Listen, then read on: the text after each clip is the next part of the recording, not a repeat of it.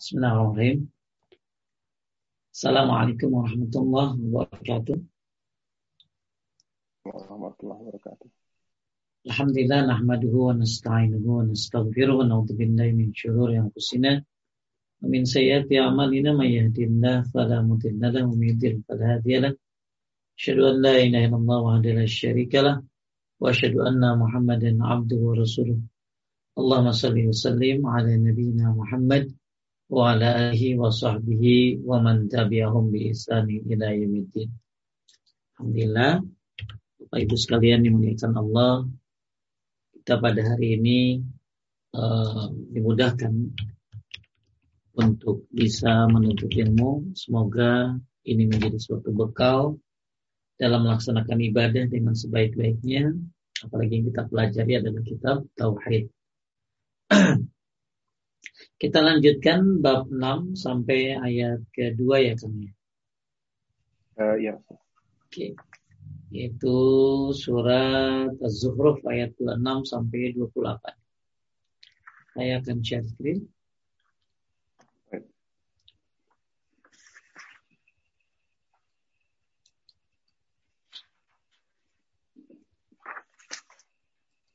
A'udzu billahi minasyaitonir rajim. Kelihatan kan tulisannya? Uh, kelihatan Ustaz tapi masih saya mah karena skrinnya kecil jadi Wa idz qala Ibrahim li abihi wa qaumihi innani bara'un mimma ta'budun illa alladhi fatarani fa innahu sayahdin wa ja'alaha kalimatan baqiyatan fi 'aqibihi la'allahum yarji'un. Dan ingatlah ketika Ibrahim berkata kepada ayahnya dan kaumnya. Nabi Ibrahim berkata kepada ayahnya dan kaumnya.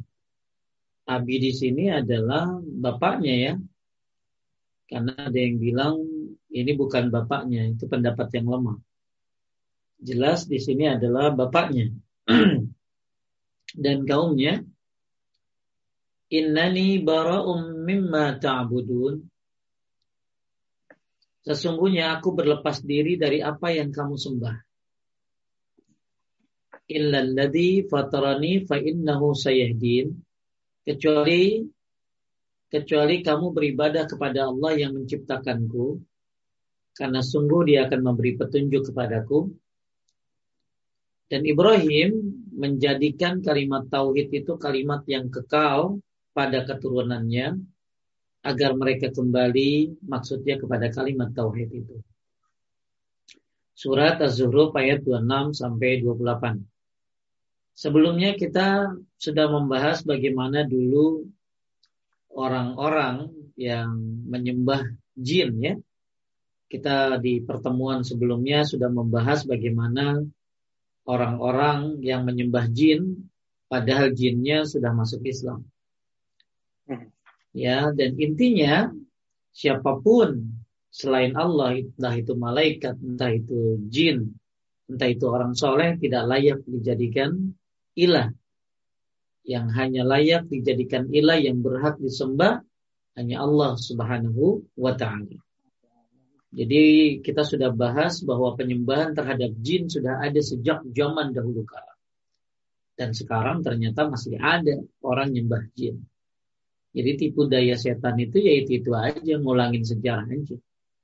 Maka kalau kita nggak baca Al-Quran, nggak baca tafsirnya, nggak belajar tauhid, maka tidak akan tahu kita pengulangan jebakan setan itu hanya pengulangan saja.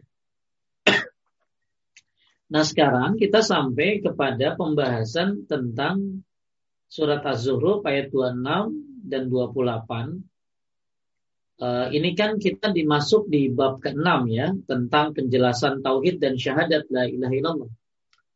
Bahwa orang yang mengucapkan la ilaha illallah tidak hanya mengucapkan saja tapi harus meninggalkan segala peribadatan-peribadatan kepada selain Allah. Dan uh, dimulai dari surat Al-Isra ayat 57. Kemarin juga sudah saya bahas tentang tawasul ya kan ya. Ada tawasul yang syar'i, ada tawasul yang syirki, ya ada tawasul yang bid'ah ya dan tawasul itu sudah diterangkan tata caranya kemarin. Kemudian kita masuk surat Az-Zuruf ayat 26 dan 28. kita lihat syarahnya. Lanjutkan.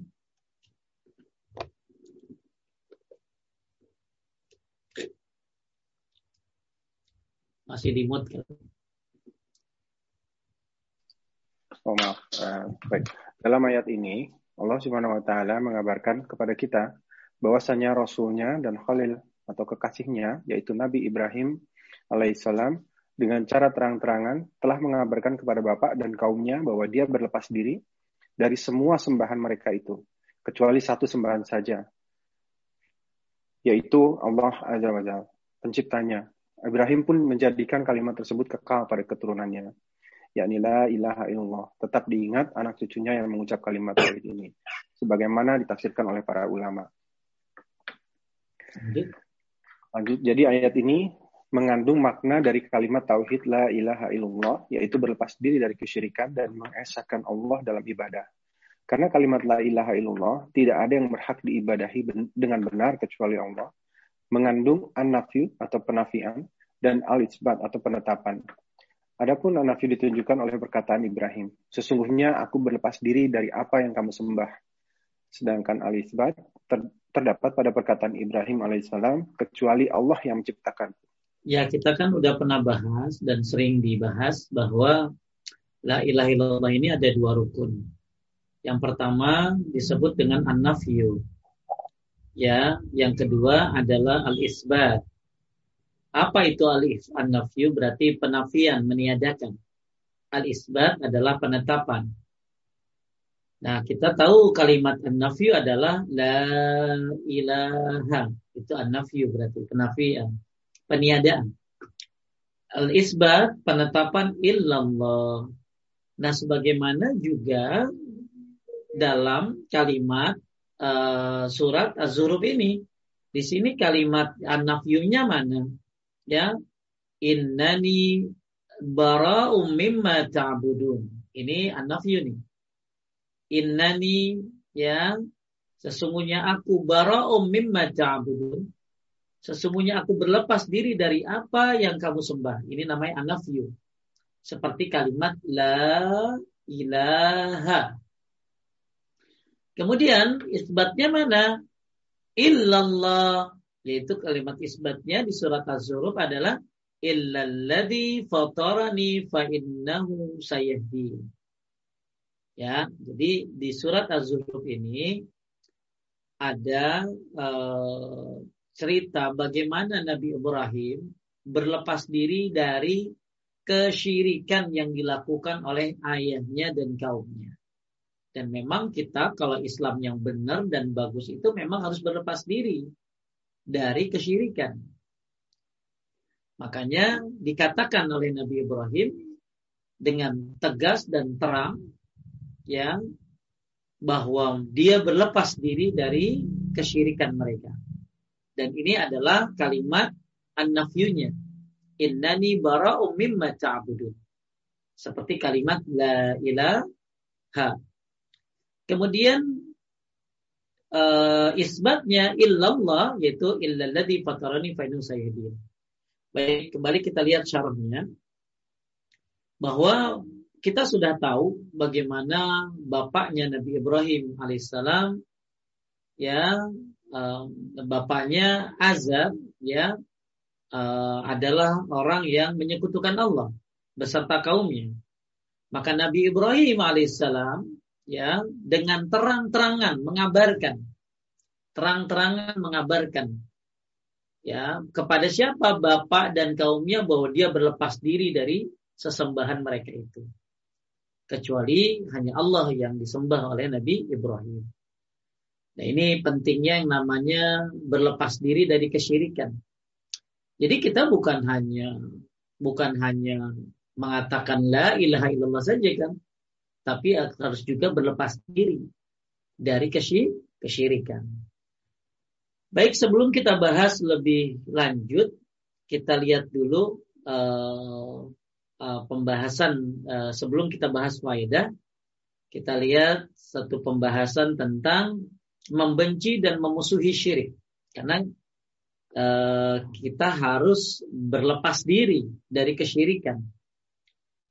Baik bersihnya tauhid yang kita miliki haruslah disertai dengan kebencian, permusuhan, dan berlepas diri dari perbuatan syirik dan para pelakunya. Jadi kita bukan hanya mengucapkan kalimat la ilaha illallah saja. Ya bukan hanya mencintai kalimat itu dan mengamalkannya tentunya. Tapi juga kita harus membenci dan berlepas diri dari perbuatan syirik dan para pelaku. Apabila kita tidak membenci dan memusuhi perbuatan syirik dan pelakunya atau bahkan ridho serta merasa tenang-tenang saja dengannya, maka ketahuilah bahwa tauhid kita belum bersih dan harus dibenahi lagi. Paham kan? Jadi kalau ada orang, udahlah, antepin aja itu ya syirik itu udahlah, ya bukan urusan kita. Jadi orang yang tauhidnya bagus, orang yang tauhidnya bersih, maka dia membenci perbuatan kesyirikan itu. Walaupun dia tidak tidak bisa me, apa belum bisa memberantasnya karena keterbatasan kekuatan dan kemampuan, tapi ada sifat benci di hati. Benci yang sama. Jangan kita mengaku mengatakan la ilaha illallah tapi tenang-tenang aja melihat di rumah kita ada kesyirikan gitu kan. Ya, nyantai. Coba Kang, ada suami yang disebut suami dayuts. Apa suami dayuts itu? Suami dayuts adalah seorang suami yang member, membiarkan kemaksiatan ada di rumahnya kan.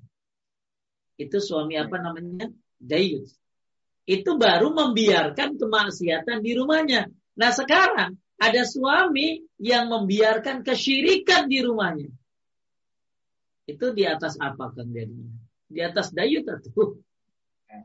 Ya, jadi kalau ada seorang suami membiarkan istrinya bermaksiat di rumahnya, membiarkan anaknya bermaksiat di rumahnya, tidak dikasih tahu, ya dengan alasan ya urusan masing-masing lah ya agama lu agama lu agama gua agama gua gitu loh. Udahlah anak-anak udah gede gitu loh jadi anda membiarkan kemaksiatan. Nggak ngomong. Nggak ngasih tahu. Maka ditakutkan kita kena dayut. Membiarkan kemaksiatan di rumah. Nah sekarang yang terjadi Bukan kemaksiatan di rumah dibiarkan, kesyirikan dibiarkan. Contoh misalnya anaknya lihat uh, acara ramalan bintang di mana di TV diantepin sama bapaknya, malah bapaknya ikut nongkrong. Papi apa? Papi apa? Ya papi Leo loh. Ya uh, mami apa? Malah ikut-ikutan. Ah ini suatu hal yang di atas dayut sih. membiarkan ingat ya ku anfusakum wa ahlikum nar jagalah dirimu dan keluargamu dari api neraka lihat penafsiran bagaimana para ulama menafsirkan ku anfusakum wa ahlikum nar di antaranya cegahlah mereka dari apa yang dilarang oleh Allah Subhanahu wa taala. Ihfazillah yahfazka. Jagalah Allah maka Allah akan menjagamu. Jadi Bapak Ibu sekali menaikkan Allah, kita bukan hanya sekedar mengucapkan di mulut la ilaha illallah. Akan tetapi kita harus benci. Harus memusuhi perbuatan syirik. Ya, dan tidak ridho dengan kesyirikan. Apalagi itu ada di rumah kita. Nah sekarang ada di lingkungan kita. Gimana? Apa punya kekuatan atau tidak? Udah ada nasihat atau belum? Maka silahkan berdakwah.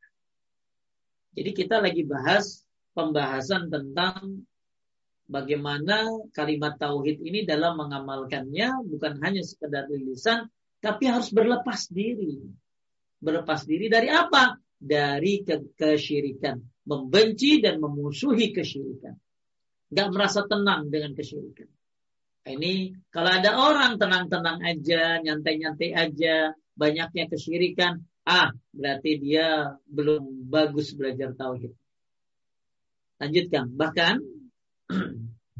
Bahkan para ulama menjadikan berlepas diri dari kesyirikan dan para pelakunya sebagai bagian dari Islam dan tidak dapat terpisahkan darinya. Bahkan para nih, ulama para ulama menjadikan berlepas diri dari kesyirikan sebagaimana yang dilakukan Nabi siapa tadi? Nabi Ibrahim alaihissalam. Tadi kan Nabi Ibrahim berlepas diri dari kesyirikan yang dilakukan oleh siapa? Ayahnya dan kaumnya. Ternyata para ulama menjadikan berlepas diri dari kesyirikan dan para pelakunya sebagian dari Islam dan tidak terpisahkan darinya. Para ulama rahimahullah mendefinisikan Islam dengan apa? Al-istislamu lillahi bitauhid wal inqiyadu lahu bitta'ah wal bara'ah minasyirki wa ahli. Ini penting nih. Bapak-bapak, ibu-ibu perhatikan. Islam adalah berserah diri kepada Allah dengan tauhid, tunduk patuh kepadanya dengan ketaatan dan berlepas diri dari kesyirikan dan pelakunya. Ya, definisi Islam itu banyak kan. Ya, saya pernah bahas waktu itu ya, apa aja definisi Islam. Tapi ternyata para ulama termasuk mendefinisikan Islam dengan kalimat Al-istislamu lillahi bitauhid berserah diri Islam itu dengan tauhid kepada Allah Subhanahu wa taala. Berserah diri kepada Allah dengan tauhid. Satu. Dua, tunduk patuh kepadanya dengan ketaatan. Tiga, berlepas diri dari kesyirikan dan pelakunya. Ini definisi apa kan? Definisi Islam. Jarang ada yang hafal ya kan? Jarang ini baru. Ya boro-boro dah. Insya Allah di Paduka ini keren-keren dah ngertinya tauhidnya. Ya maka semangat terus belajar tauhid. Ya ya ya memang belajar tauhid itu nggak seramai belajar fikih kan. Kalau yang belajar fikih itu rame banget orang. Tapi belajar tauhid ini memang orang-orang pilihan ya. Orang-orang yang memang sungguh-sungguh pengen mengetahui hak-hak Allah. Ya, makanya jangan jangan tahu ya. Nggak, jangan jangan berharap wah rame. Enggak kita ngajar bukan rame ya. Kita ngajar karena memang kewajiban untuk menyampaikan. Sama paduka juga. Kewajiban untuk menyampaikan. Memberikan kajian tauhid. Tujuannya adalah yang memang menyampaikan. Jadi kembali lagi buat bapak-bapak ibu-ibu ya kalau memang ada yang harus dihafalkan, saya senang nih kalau ngapalin ini nih, kan. Ya, kalau memang kan selama ini ibu-ibu teh ngapalin teh doa sujud baik kan. Doa sujud, doa iftitah, kalau tahajud, iftitah tahajud beda ya Tat ya. Ya, ibu-ibu ngapalin doa sebelum salam, wah banyak yang udah hafal Kang. Sampai tadi saya ketemu ibu-ibu udah hafal 6 katanya. Wah, luar biasa doa sebelum salam udah hafal 6 Kang, Masya Allah. Nah sekarang ini bagus dihafalkan. Ya definisi apa? Islam. Nah kalau ditanya akan akan orang apa? Islam. Apa sih bang definisi Islam? Sebentar. Buka Google dulu. Ya sebentar. Ya Ustaz Agus, apa definisi Islam? Ya harus tahu ya, definisi Islam adalah Ya, saya sudah pernah jabarkan apa definisi Islam di waktu kesempatan yang lalu. Tapi salah satu yang mungkin sekarang kita sedang bahas adalah sesuai dengan ayatnya, yaitu tentang kisah Nabi Ibrahim yang berlepas diri dari kesirikan bapaknya dan para uh, pengikut bapaknya dan kaumnya. Di sini kita akan coba bahwa ternyata berlepas diri itu bukan hanya sekedar beberapa diri dari kesyirikan, ternyata ini bagian daripada definisi Islam loh bro. Ya, apa tuh? Islam itu berserah diri kepada Allah dengan tauhid. La ilaha illallah. Tunduk patuh kepadanya dengan ketaatan. Yang terakhir berlepas diri dari kesyirikan dan pelakunya. Aduh ini kalau bisa bagus nih ya, jadikan sebuah hafalan tentang definisi Islam. Lanjutkan, syarat terwujudnya Islam. Syarat terwujudnya Islam sese seseorang berdasarkan definisi tersebut. Maka Islam seseorang tidak akan terwujud kecuali dengan memenuhi tiga hal berikut ini. Yang saat pertama, berserah diri hanya pada Allah, penyerahan diri sepenuhnya kepada Allah dengan mentauhid, mentauhidkannya. Yaitu seseorang berserah diri sepenuhnya kepada Allah dengan mentauhidkannya dalam segala aktivitas ibadah. Penyerahan diri seperti inilah yang menyebabkan pelakunya dipuji dan mendapatkan pahala. Ya, ini poin yang sudah sering saya sampaikan. Berserah diri pada Allah, penyerahan diri sebenarnya pada Allah dan mentauhidkannya. Kita sudah bahas bab 1, bab 2, bab 3, bab 4, bab 5 sampai bab 6 bicaranya tauhid, tauhid dan tauhid. Dan memang selesai kitab tauhid diulangi lagi dari awal, ini pada lupa lagi. Ya, maka ada ulama ya bahas kitab Bukhari aja kan, itu sampai 40 kali hatam tuh kan. Ya, 40 kali hatam sampai benar-benar matang ya. Nah, kita jangan pernah bosan ya Tauhid lagi, tauhid terus, tauhid mulu, udah itu jeda. Tauhid lagi. Saya ada bapak-bapak kan, ya dulu statusnya itu saya perhatiin statusnya itu dulu ya masih bicara apalah ya. Atau begitu statusnya sebelum dia meninggal, statusnya ganti kan apa? Tauhid selamanya, masya Allah. Ya bapaknya udah meninggal, tapi bagus sekali dan memang dia rajin kajian tauhid kan Kajian tauhid rajin banget. Sampai tadinya tuh sampai dia benahin sholatnya semuanya. Tapi begitu dia benahin sholatnya, dia ketemu kajian tauhid. Akhirnya dia benerin kalau sholatnya lebih benerin lagi tauhidnya. Sampai akhirnya dia bikin sebuah tulisan sampai dia meninggal tuh tulisannya gang tauhid selamanya. Karena memang Islam ini uh, definisi Islam ini ya tiga ini ya ini yang sering sudah dibahas. Pokoknya penyerahan diri eh, apa kita kepada Allah Subhanahu wa taala dan selalu mentauhidkannya. Yang kedua kan? Yang kedua tunduk patuh pada Allah dengan penuh ketaatan, yaitu dengan melaksanakan perintah-perintahnya dan menjauhi larangan-larangannya.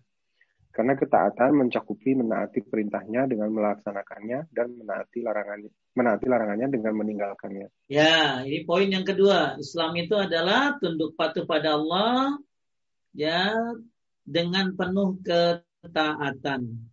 Dan dalam melaksanakan ketaatan kan ada perintah, adalah larangan.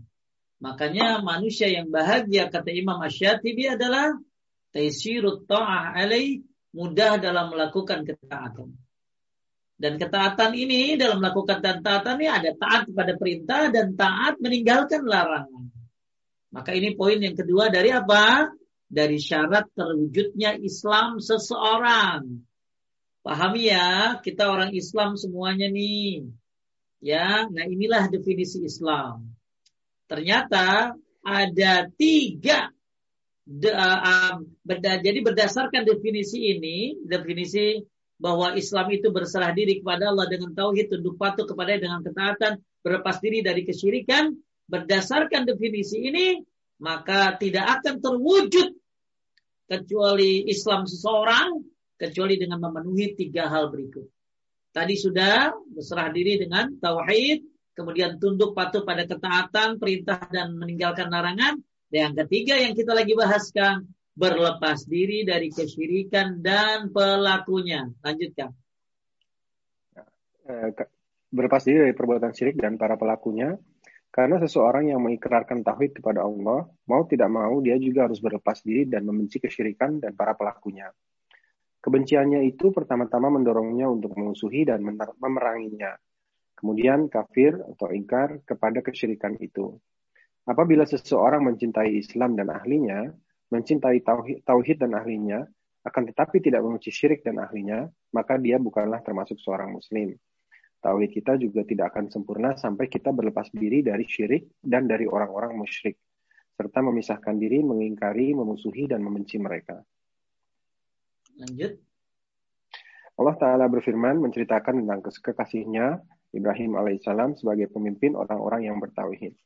Artinya sesungguhnya telah ada suri tauladan yang baik bagimu pada diri Ibrahim dan orang-orang yang bersama dengan dia.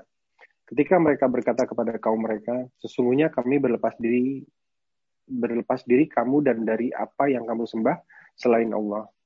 Kami mengingkari kekafiranmu dan telah nyata antara kami dan kamu permusuhan dan kebencian buat selama-lamanya. sampai kamu beriman kepada Allah saja. Nah, kalau tadi kita di awal surat apa Kang? Az-Zuhruf. Uh, Az-Zuhruf ya. Ya, Az-Zuhruf ayat berapa? 26, 26 sampai 28. 28. Ya, Az-Zuhruf 26, 27, 28. Nah, bisa dimasukin ditambahin di sini. Dan sekarang ada dalil dari Al-Mumtahana ayat 4. Ya, jadi poin yang ketiga, Eh, kesempurnaan Islam seseorang ya tidak akan tegak dengan satu, dua, dan tiga yang terakhir berlepas diri dari kesyirikan dan pelakunya. Makanya kita harus berlepas diri dari kesyirikan dan pelakunya. Kita harus membenci kesyirikan dan pelakunya. Ya, maka nanti kita akan bahas eh, perihal bagaimana berdakwahnya. Kemudian ya, ayat yang diambil adalah surat Al-Mumtahanah ayat 4. Tentang sama ya, kisah Nabi Ibrahim alaihi salam. Yang berlepas diri dari apa? Yang berlepas diri dan Nabi Ibrahim itu termasuk teladan ya, teladan ya. Dan uh, di sini disebutkan sungguhnya kami berlepas diri. Ya. Kami berlepas diri dari kamu dari apa yang kamu sembah selain Allah. Bahkan Baik Bapak Ibu, meskipun pelaku syirik itu adalah kerabat kita atau bapak kita sendiri, kita tetap berlepas diri darinya. Allah Ta'ala juga mengisahkan tentang Ibrahim ketika berkata kepada ayahnya, ya, wa ta'zilkum wa ma min dunillah. Dan aku akan menjauhkan diri darimu dan dari apa yang kamu seru selain Allah. Jadi Bapak Ibu sekalian menekan Allah, kita harus berlepas dari kesyirikan.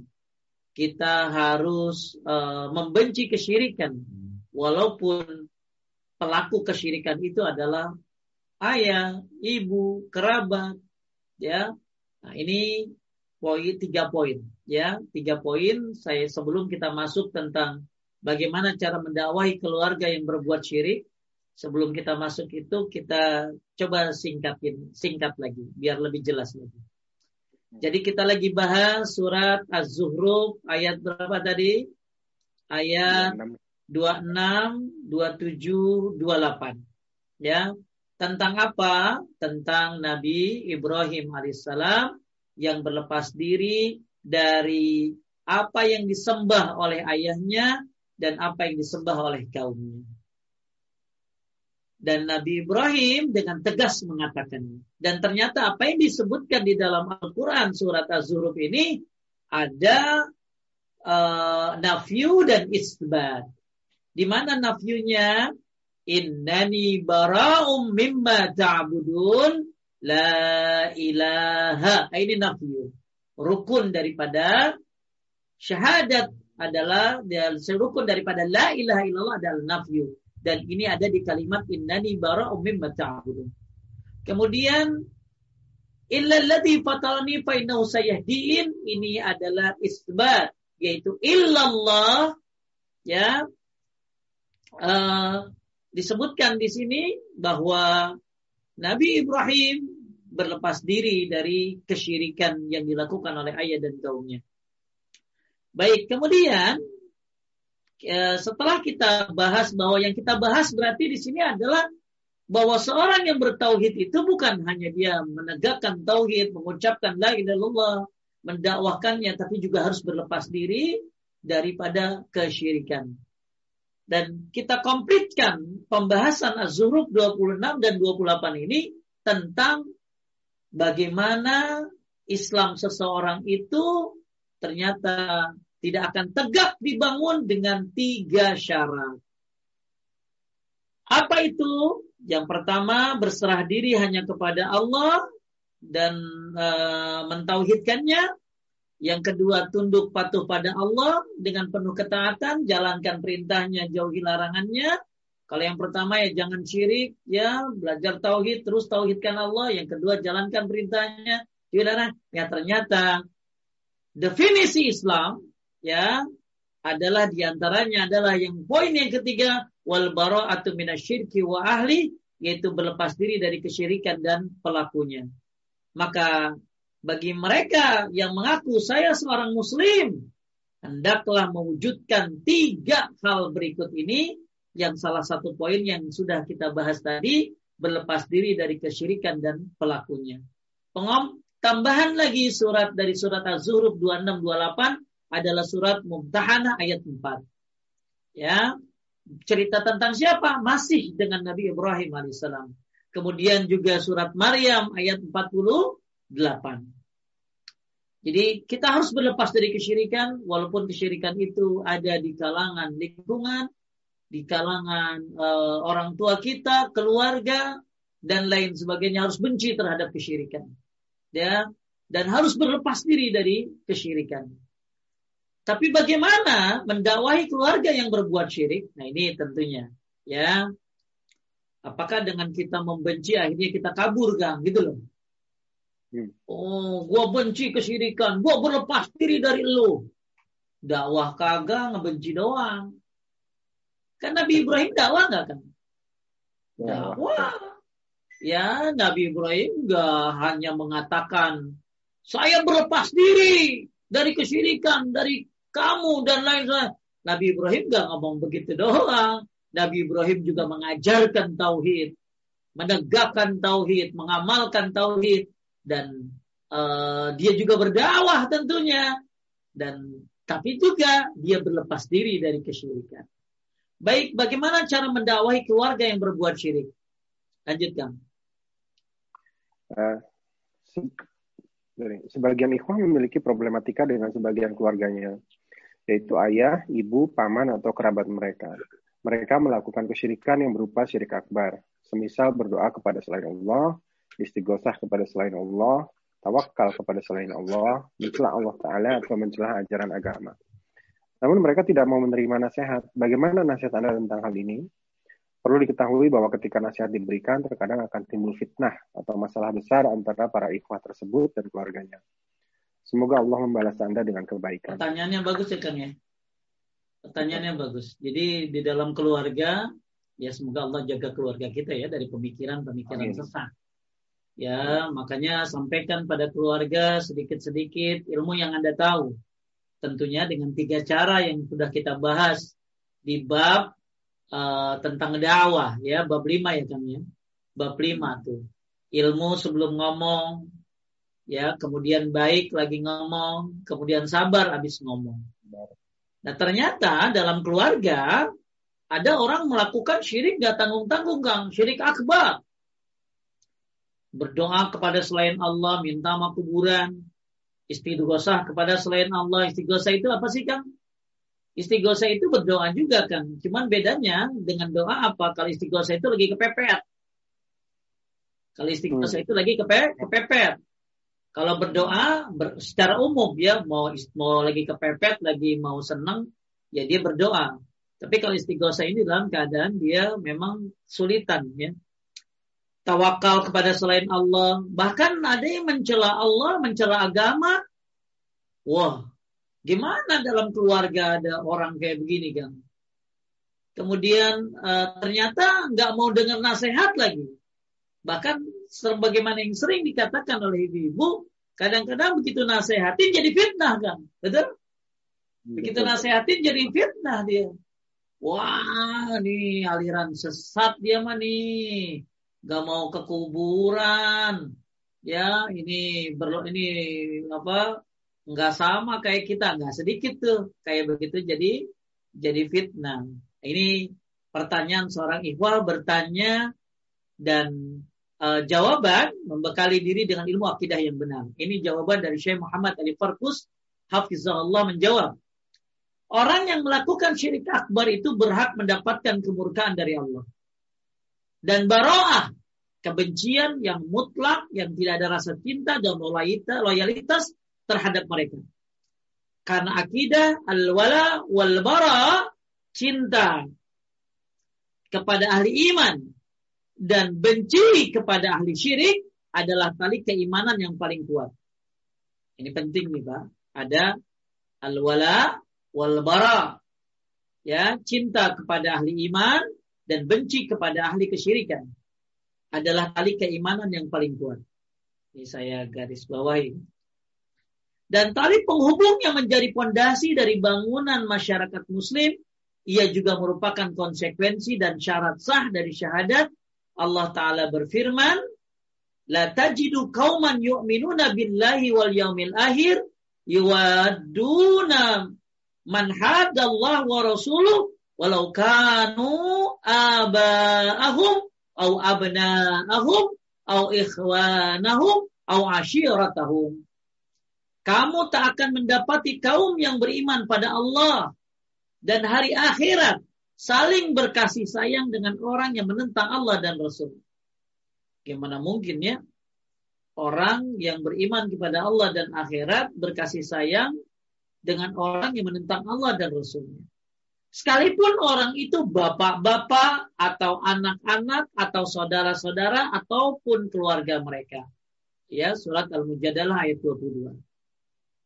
Kemudian Nabi ini kita lagi bahas jawaban dari Syekh Ali Farkus tentang gimana kalau dalam keluarga kita ada orang-orang yang melakukan syirik besar yang nggak tanggung tanggung bukan syirik kecil syirik besar dan nggak mau nerima nasihat bahkan kalau dinasehatin bisa jadi fitnah buat kita maka dijawab oleh Syekh Ali Farkus bahwa kesyirikan besar kita tidak boleh yang namanya kesyirikan besar ini dibiarkan tentunya. Tidak boleh ada rasa cinta dan loyalitas terhadap mereka.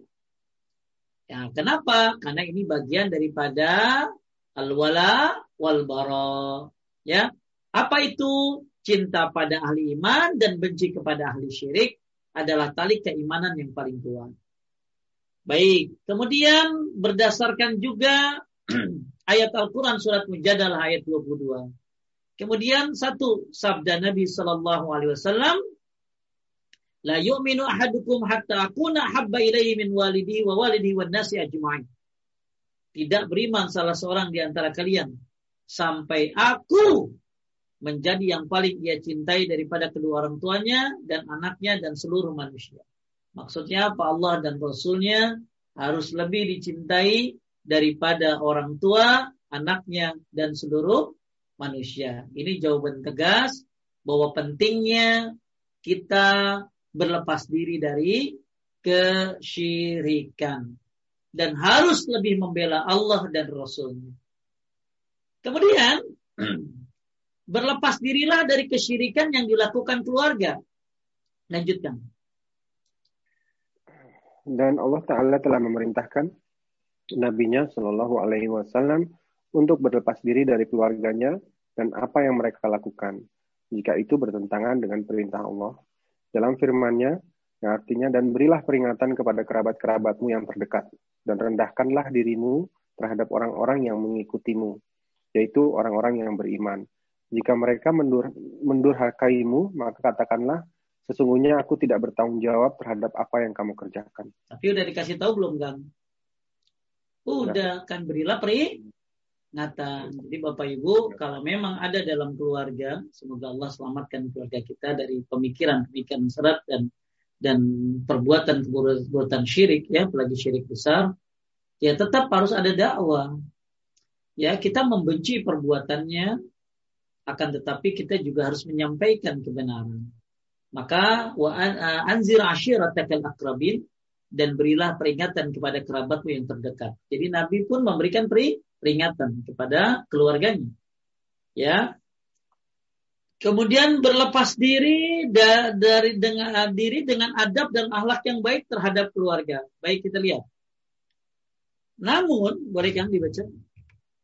Ya, namun sikap berlepas diri dari perbuatan mereka yang buruk tersebut tidak berarti mengharuskan kita berkata dan berbuat yang buruk kepada mereka Bahkan wajib atas setiap muslim untuk mendakwahkan keluarganya, orang tuanya dan kerabatnya kepada Allah dengan cara yang baik. Baik, ini penting nih Gang. Bukan berarti ketika kita berlepas diri dari kesyirikan mereka, tapi juga kita tidak berdakwah kepada mereka. Jadi sikap berlepas diri dari perbuatan yang buruk dari mereka yang melakukan syirik besar, ya uh, kita berlepas diri dari itu. Akan tetapi setiap muslim mendakwahkan keluarganya. ya orang tuanya, kerabatnya kepada Allah dengan cara yang baik. Masya Allah. Ini seorang muslim itu luar biasa ya. Dia satu sisi berdakwah dan satu sisi dia harus punya komitmen bahwa saya berlepas diri dari kesyirikan, tapi tidak meninggalkan dakwah gitu. Berdasarkan firman Allah, fazakir ya, berilah peringatan, ya. Inna fa'atiz zikra. Jika memang peringatan itu bermanfaat. Lanjutkan. Berlepas diri dari orang tua yang musyrik bukan berarti menjauhi dan meninggalkan mereka. Bahkan tetap ber, membersamai mereka dan memperlakukan mereka dengan baik.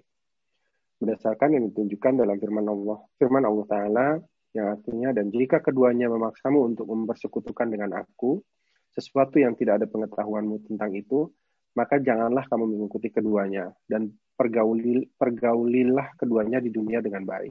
Masya Allah walaupun beda ya kan, walaupun benci terhadap kesyirikannya, walaupun benci terhadap eh, hal-hal uh, yang dilakukan oleh orang tua, rajin banget ke dukun, rajin banget minta kepada kuburan, benci kita sama perbuatan itu. Akan tetapi Allah Subhanahu wa taala menyebutkan wasahibhuma fid dunya ma'rufa dan pergaulilah keduanya di dunia dengan baik. Walaupun mereka tersesat di dunia, mumpung masih di dunia, selamatin. Kalau udah mati, nggak bisa lagi. Ya, maka mumpung masih di dunia, doakan kalau memang orang tuamu, keluargamu, kakakmu, adikmu ada yang melakukan hal-hal yang merupakan, merupakan syirik besar, Anda berlepas diri dari perbuatannya, Anda membenci kesyirikannya, tapi Anda juga harus berdakwah. Coba gimana ya Kang ya? Menggabungkan dua hal itu loh. Ya, membenci perbuatannya tapi juga berdakwah. Hebatnya seorang muslim itu. Harus profesional. Ya. Kenapa? Ya karena Allah berfirman, "Wasahibuhuma fid dunya ma'rufa." Dan pergaulilah keduanya di dunia dengan baik. Walaupun mereka kafir sekalipun, pergauli mereka dengan baik. Lanjut. Dan sikap kepada para kerabat yang musyrik pun sebagaimana sikap kita kepada orang tua yang musyrik tersebut. Mereka tetap memiliki hak silaturahmi, hak nafkah, dan hak untuk dipergauli dengan baik. Berdasarkan keumuman firman Allah Ta'ala yang artinya, Sembahlah Allah dan janganlah kamu mempersekutukannya dengan sesuatu pun dan berbuat baiklah kepada dua orang ibu bapak karib kerabat, anak-anak yatim, orang-orang miskin, tetangga yang dekat dan tetangga yang jauh, dan teman sejawat, sejawat ibnu Sabil dan hamba sahayamu. Masya Allah. Jadi kalau tadi kan kita bicara bapak ibu yang syirik besar. Nah sekarang gimana kerabat yang melakukan kesyirik besar, kesyirikan besar? Maka kata Syekh Ali Farkus, sikap kepada kerabat yang musyrik pun sama seperti sikap kepada orang tua. Mereka tetap memiliki hak silaturahim. Hak nafkah, kalau memang dia adik atau kakak. Dan hak untuk dipergauli dengan baik. Walaupun kita benci kesyirikannya, kita uh, berlepas diri dari kesyirikannya, akan tetapi saudara-saudaramu yang melakukan kesyirikan besar, apalagi orang tuamu, tetap memiliki hak silaturahim, hak nafkah, dan hak dipergauli dengan baik sebagaimana firman Allah surat An-Nisa ayat 36. Ya. Kemudian bahasan yang selanjutnya lanjutkan. Ya. Tegaslah dalam memberikan batas toleransi. Namun pergaulan yang baik terhadap mereka tidak boleh sampai level memberikan dukungan kepada kekufuran mereka atau kepada pelaku kekufuran atau memberikan persetujuan atas hal itu. Terlebih lagi, jika mereka memusuhi Islam, maka hukumnya haram atau memberikan dukungan. Ya, jangan sampai kan dakwah-dakwah akhirnya ngikut gitu kan. Jadi nggak bolehin aja. Kan ada orang dakwah yang suka begitu kan. Nah, itu namanya apa kan?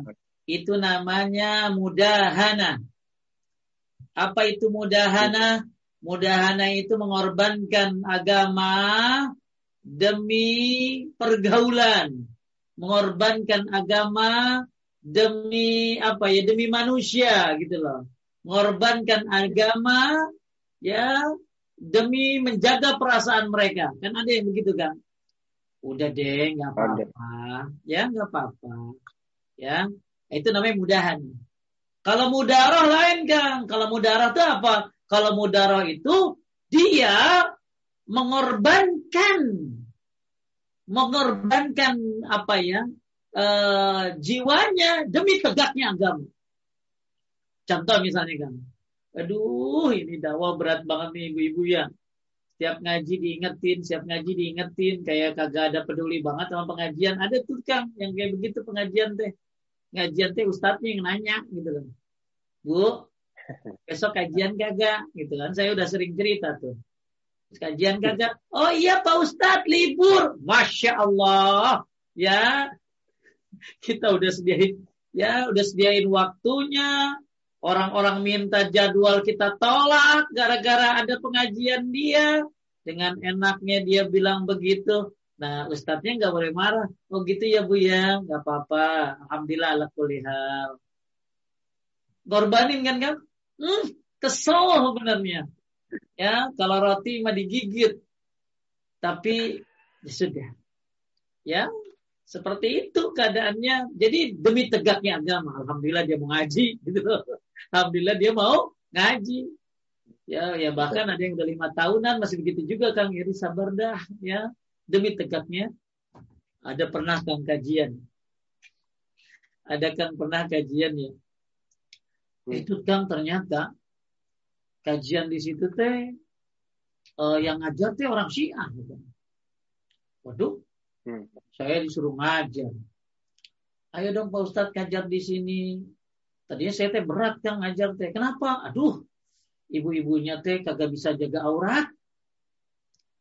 Ya, nggak bisa jaga aurat gitu. Penampilannya teh kayaknya begitu aja. Tapi begitu dibilangin, yang ngajar emang siapa bu sebelumnya? Ini, waduh, dikasih saya bukunya kang. Waduh, parah ini. Ya udah deh, ya ngaji ya, gitu ya, ngaji ya berat sebenarnya gitu loh. Berat. Akan tetapi ya harus dijalani. Ya kadang-kadang Kang saya tesa ya ini mah bukan curhat ya tapi ini mengajarin bahwa memang kadang-kadang jiwa ini harus ditekan marahnya demi agama supaya mereka kenal. Ya kadang-kadang ustadznya nungguin jamaah. Ya sampai aduh udah setengah jam kagak masuk masuk setengah jam yang udah nggak masuk di mana ibu-ibu mau ngaji ini. Akhirnya saya teh ngantuk, bu. Tidur ya bu, numpang tidur di sofa ya, gitu ya. Tidur, ya, ya,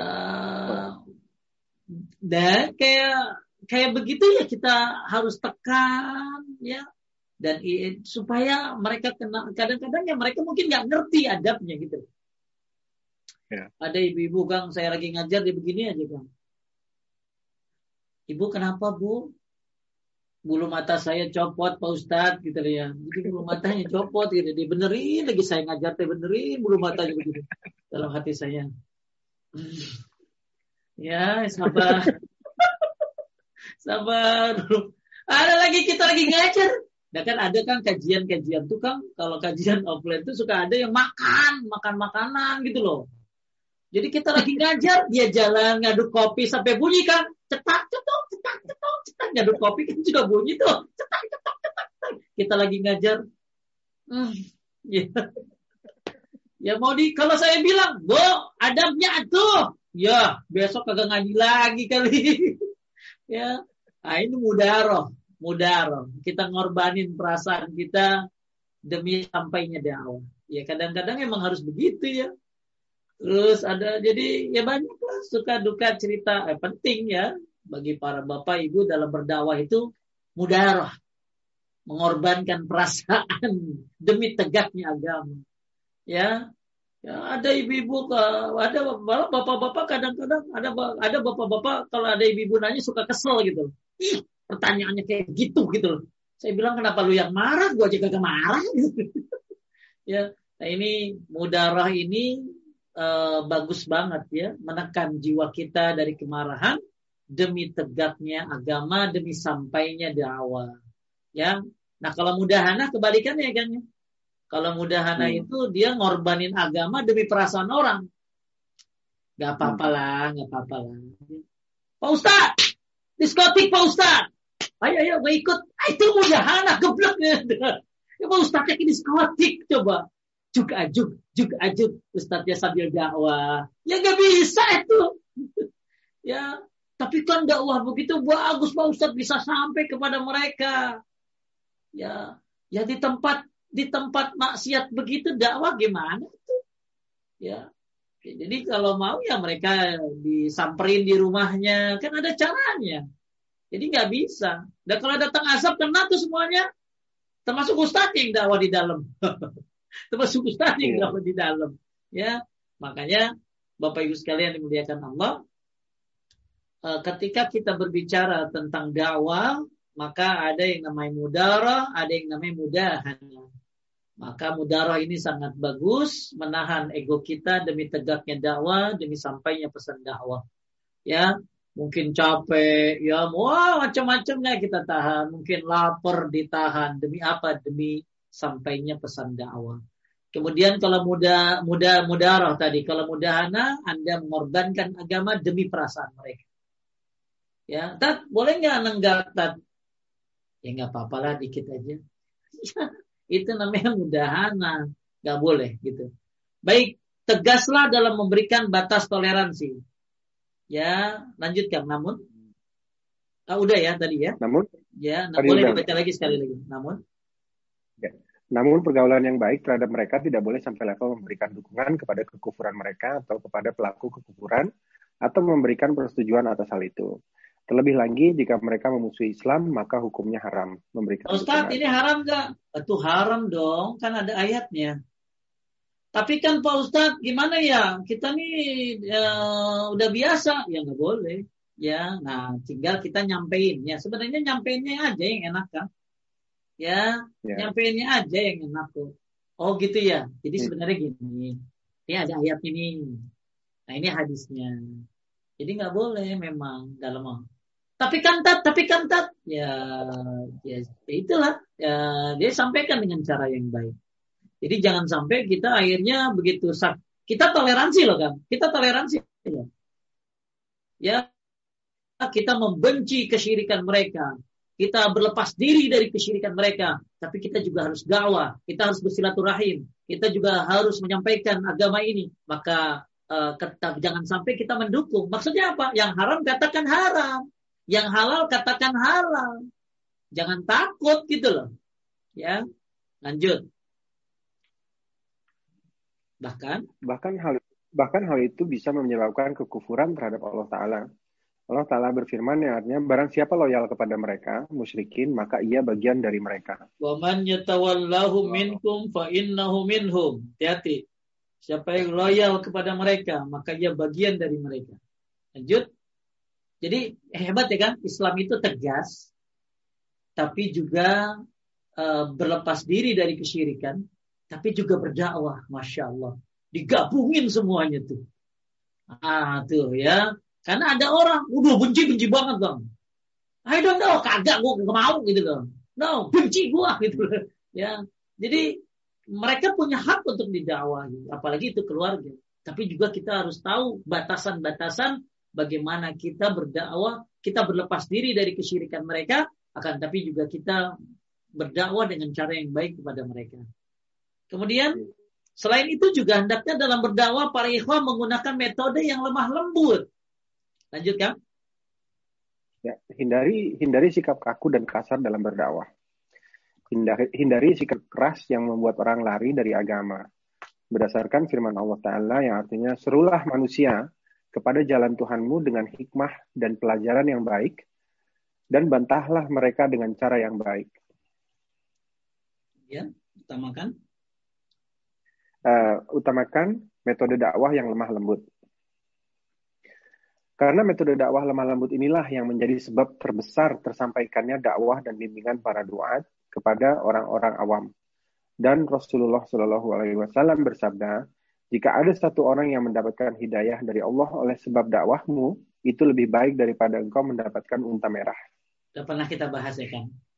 Sudah ya. pernah kita bahas. Ya, Jadi Bapak Ibu sekalian muliakan Allah, uh, luar biasanya agama ini mengajarkan kita untuk tegas dalam menjawab yang halal dan yang haram, ya harus tegas dalam menjawab. Apalagi masalah kesyirikan. Tapi tetap dengan metode yang lemah lembut. Dengan metode yang lemah lembut. Kita berlepas diri dari kesyirikan mereka, kita berlepas diri dari apa yang mereka lakukan, tapi kita juga nggak meninggalkan dakwah. Apalagi itu keluarga keluarga kita. Dan tetap mereka punya hak untuk kita dakwahi, ya punya hak untuk bersilaturahim dengan mereka dan kita juga harus berdakwah karena kalau kita ninggalin mereka siapa kan yang ngajarin betul betul. Siapa yang ngajarin? Kalau kita ninggalin mereka siapa yang ngajarin mereka berarti? Bahkan mereka bisa lebih parah nanti kan. Ya bahkan mereka bisa lebih parah. Ya makanya Nabi Ibrahim alaihissalam yang kita bahas pada hari ini ya memiliki metode dakwah yang luar biasa, tapi juga memiliki konsistensi yang tinggi terhadap tauhid dan juga akhlak yang luar biasa dari Nabi Ibrahim alaihissalam. Baik kita lihat fawaid dari pelajaran ini. Uh, surat Az-Zuruf tadi ya Kang ya. Sebentar. Oke okay, ini dia. Kita lihat faedahnya. Satu, kesatuan landasan agama para nabi alaihi wassalam yaitu tauhid. Kita sudah pernah bahas bahwa semua nabi ngajarin tauhid. Kemudian terang-terangan menyampaikan kebenaran adalah sifat para rasul. Ya, ya, bahkan Nabi Nuh alaihissalam ya 950 tahun itu hanya dakwah tauhid aja kan. 950 hmm. tahun hanya dakwah tauhid saja. Dan yang ikut berapa orang kan? 80 orang 950 tahun itu. Masya Allah ya, 950 tahun kalau dibagi 80 berapa tahun? Setiap 100 tahun. Setiap 100 tahun satu. ya berapa orang coba? 950 tahun dibagi 80 coba. Jadi 100 tahun berapa orang dapat gitu. Dan Nabi Nuh alaihissalam dakwahnya tuh malam dan siang kan. Malam dan siang dakwahnya. Ya, luar biasa Nabi Nuh alaihissalam dalam berdakwah. Dan Nabi Nuh menyampaikannya dengan cara terang-terangan, dengan cara diam-diam, menyampaikan rumah-rumah mereka. Ya. Kemudian nomor tiga, menampakkan pengingkaran serta berlepas diri dari agama orang musyrik. Ini yang kita bahas pada hari ini. Kemudian penjelasan bahwasanya kaum Nabi Ibrahim alaihissalam menyembah Allah tapi mereka mempersekutukannya dengan yang lainnya. Ada yang menyembah Allah tapi juga menyembah yang lainnya. Mereka mengakui Allah sebagai pencipta, tapi mereka tidak mengakui Allah sebagai sebagai sesembahan. Yang mereka mengakui bahwa pencipta alam, laut, bumi ini adalah Allah, tapi mereka tidak menyembah kepada Allah. Kemudian ketika Nabi Allah Ibrahim alaihissalam berlepas diri dari sembahan-sembahan selain Allah, kemudian dia berkata dengan tegas, "Illalladzi fatarani fa innahu sayadin." kecuali kamu menyembah Allah yang menciptakanmu karena sungguh dia akan memberi petunjuk kepadaku. Nah, ini yang tadi sudah dibahas tentang uh, apa tadi? Tentang nafyu dan is isbat ya. Dalam perkataan Nabi Ibrahim ini terdapat dua faedah. Lanjut A. Kang. A. Isyarat. Perkataan terdapat dua faedah. Isyarat terhadap alasan kenapa kita harus mengesahkan Allah Azza wa Jalla dalam ibadah. Yaitu sebagaimana Allah dalam adalah esa dalam penciptaan maka dia pun wajib diesakan dalam peribadahan. Yang kedua, isyarat rusaknya penyembahan berhala karena berhala itu tidak menciptakan, lalu lalu mengapa mereka disembah? Ya, ya, inilah uh, kenapa mereka adalah orang-orang bodoh, ya. Mereka menyembah berhala, padahal berhala itu tidak menciptakan, tapi kenapa berhala itu disembah? Baik, mungkin Bapak Ibu ada yang mau tanya, sudah satu ya, satu setengah jam ya kan? Satu setengah jam, mungkin mau ada pertanyaan silakan. Masya Allah, Alhamdulillah tidak terasa satu setengah jam, kayaknya baru sebentar aja nih Ustaz. Iya. Udah satu jam ya? Nggak kerasa nih. Masya Allah. Baik, baik Ustaz. Ini ada ada pertanyaan yang itu pertanyaan baik. Saya saya ingatkan kembali bagi yang mengangkat tangan, uh, saya persilahkan waktunya Bagi yang mengangkat tangan, segera setelah mengangkat tangan langsung mengirim message ke Abdin Fabiola mengenai uh, apa namanya uh, garis besar pertanyaannya. Baik, Bismillahirrahmanirrahim. Assalamualaikum Ustaz. Saya, melaku, saya memiliki kakak yang sudah menikah dan memiliki anak. Sampai sekarang masih tinggal dengan orang tua saya dan masih menjadi beban orang tua. Selain itu, kakak saya masih melakukan maksiat, seperti memakai tato, bermain kartu dengan taruhan uang, percaya ramalan bintang, dan lain sebagainya. Karena orang tua semakin sepuh, saya kasihan pada orang tua saya. Saya sangat ingin menasihati kakak saya, tapi suami saya melarang karena pernah ada pengalaman dulu, kakak saya tidak terima, dinasihati, dan memukul saya. Apa yang harus saya lakukan, Ustaz? Jazakallah khair. Ya, ketika dakwah membahayakanmu, ya, ketika dakwah membahayakanmu, maka lakukan dakwah yang lain, ya. Di antaranya adalah dengan doa tentunya. Tapi begini sebenarnya. Eh, ketika kita memiliki keluarga yang seperti itu, bagaimanapun kerasnya dia, ya pasti ada cara-cara bisa berdakwah kepada dia. Jadi kalau nggak bisa pakai li, gini kan, kalau pakai lisan teh kadang-kadang suka nyakitin kan. Apalagi kalau nggak punya metode dakwah ya. Ya, dan orang kalau berhadapan ya, berhadapan langsung itu susah ngakuin kan. Susah ngakuin kesalahan gitu loh ya. Kenapa? Karena dia merasa benar, akhirnya uh, mar, uh, marah, mukul bisa terjadi itu. Maka kalau nggak bisa pakai lisan ya cobalah pakai buku kan. Ya, pakai buku. Hmm. Kalau nggak bisa pakai lisan, coba pakai buku, kasih buku-buku tafsir. Jangan, jadi jangan begini kang, jangan begini beli buku langsung bertobatlah. Jangan. Ya, nanti dia nyamperin lagi ke rumah mukulin kamu gitu loh. Mungkin uh, kasih buku tentang yang bersifat agama, tapi tentang bersifat misalnya tafsir gitu ya. Sambil jadi buku tafsir atau buku yang bagaimana membentuk keluarga yang sakinah, bersifat-sifat umum dulu atau tentang sholat. Kalau bicara sholat kan pasti umum ya Kang ya. Umumnya. Nah, nanti kalau dia udah senang juga suka minta Kang. Eh bagus tuh buku yang lu kasih tuh. Boleh deh. Gue kasih lagi bukunya. Jadi kalau nggak bisa dakwah pakai lisan, coba pakai tulisan, maksudnya kasih buku. Kasih buku. Kemudian kadang-kadang ada acara keluarga ya Kang ya. Ada acara keluarga ya. Uh, kita masuk ke ada apa tuh namanya? uh, silaturahim keluarga, ah cobalah panggil ustadz siapa ya, suruh ceramah ya, uh, apa uh, nggak nembak dia kan, nggak nembak dia, kasih tahu dulu ustadznya, ya uh, dikasih tahu. Sebenarnya banyak cara berdakwah ya, banyak cara berdakwah. Dan salah satunya yaitu dari kalau nggak bisa pakai lisan ya pakai tulisan, pakai buku. Ya, kedua ya mungkin kurang akrab kan kurang akrab ya kurang akrab adik kakak sehingga akhirnya begitu dikasih tahu ada apa sih? Ada ada gap akhirnya. Ya bagus ya uh, ya diakrabkan dengan keluarganya. Ya diakrabkan dengan keluarganya. Atau dengan cara mendekati istrinya berarti kan mendekati istrinya. Berarti kan itu perempuan tadi ya Kang ya? Perempuan mendekati istrinya. Dan dan dan banyak cara-cara yang lain. Yang penting tadi sampaikan dengan lemah lembut tapi mungkin jangan langsung nembak ya. Ya uh, cobalah uh, memberikan dengan cara lemah lembut mungkin dalam hal masalah-masalah yang lain dulu. Jadi kalau misalnya ngasih tahu uh, dia pasti tahu kan kalau yang namanya hal-hal uh, yang maksiat itu haram mereka tahu dia tahu pasti. Cuman belum siap dikasih tahu. Biasanya belum siap dikasih tahu. Apalagi yang ngasih tahu adiknya. Apalagi yang ngasih tahu adiknya. Itu biasanya gampang sekali untuk uh, egonya. Maka kalau misalnya nanti salah saya saran saya ya, kalau ada acara keluarga panggil ustadz ya, uh, ceramah ya, kemudian kalau ada buku-buku bagus ya, kirim ke dia.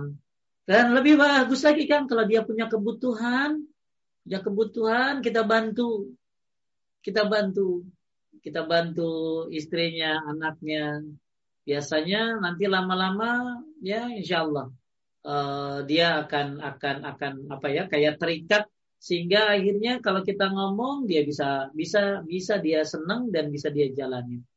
Ya banyak cara menuju dakwah, tapi jangan lupa terus doakan. Apalagi itu masih keluar keluarga berarti kan kakaknya, ya kakaknya. Ya mudahan dimudahkan ya. Pokoknya cari cara-cara deh. Cari momen, cari waktu, atau kumpul jalan-jalan bareng dan lain sebagainya, ya. Nah, mudah-mudahan dimudahkan. Lanjut. Amin ya Allah. Semoga yang bertanya mendapatkan apa namanya ketabahan dan kesabaran dalam mendakwahi keluarganya. Baik, hmm. uh, berikutnya Mbak Tati silakan di unmute. Oke, okay. assalamualaikum. Waalaikumsalam warahmatullahi wabarakatuh Mbak Tati. Ustaz Agus, uh, indah, indah, indah semudah yang Ustaz Agus bayangkan dakwah memang. Lebih-lebih backgroundnya uh, mu'alaf yang di sini sangat campur Kadang-kadang mereka itu ada dari golongan Syiah, ada dari golongan keluarga yang atheist, ada golongan yang sudah mengenal Islam tapi yang campur-campur. Jadi begitu masuk itu uh, ke tempat kita yang masjid dekat saya ini uh, banyak yang uh, mereka yang masuk itu kebanyakan bermasalah begitu loh kelihatannya itu. Entah itu orang mualaf dikawini dengan uh, orang uh, Islam yang ter, tersiksa benar, eh, Islam yang tidak baik. Jadi ada yang harus menangani bagaimana caranya sehingga mereka menerima Islam uh, dengan pelan-pelan dan bagus. Saya di situ hanya mendengarkan aja dan saya belajar berdakwah. Uh, tempo hari itu mereka ada yang menerangkan uh, di Al-Baqarah 115 mengenai uh, uh, mau saya bacakan atau uh, Ustaz Hafiz ngerti yang saya mau maksud itu wajah Allah di sini. Hmm. Walillahi masyriqu wal maghrib Fainama tuwallu sama wajhullah. Innallaha wasi'un alim. Nah, yang ditanyakan mereka, kalau itu memang Allah punya wajah, eh, tidak bisa dibayangkan seperti wajah kita. Sudah betul diterangkan begitu. Tapi ada yang sangat ngeyel bahwa karena mungkin backgroundnya dia Hindu atau sesuatu, bahwa kalau Quran mengatakan itu Allah punya wajah, ya kita harus percaya punya wajah. Jadi bayangan kita, mereka membayangkan seperti Buddha, Krishna, eh, kan itu akan menjadi kesyirikan yang tumbuh dengan adanya kata ini, begitu loh. Jadi gurunya ini mau mencoba menerangkan eh, bagaimana caranya eh, dia itu meyakini bahwa Allah punya wajah, tapi jangan dibandingkan wajah manusia dengan Allah. Cuma mereka tidak bisa mengerti bagaimana dikatakan di Quran begitu kok kita tidak bisa karena kan masih mu'alaf ya belum belum sampai al-ghaibnya atau tauhidnya ke dalam. Eh, bagaimana menangani yang seperti ini supaya saya bisa menolong sedikit sehingga dia eh, sedikit aman begitu loh. Eh, dan ini kan perlu perlu pengertian banyak sebelum mereka bisa belajar mengenai Allah punya tangan, Allah punya wajah begitu. Jazakumullah khair. Wah iya, ya semuanya nggak ada yang mudah ya. Kalau masuk surga harus ada perjuangan.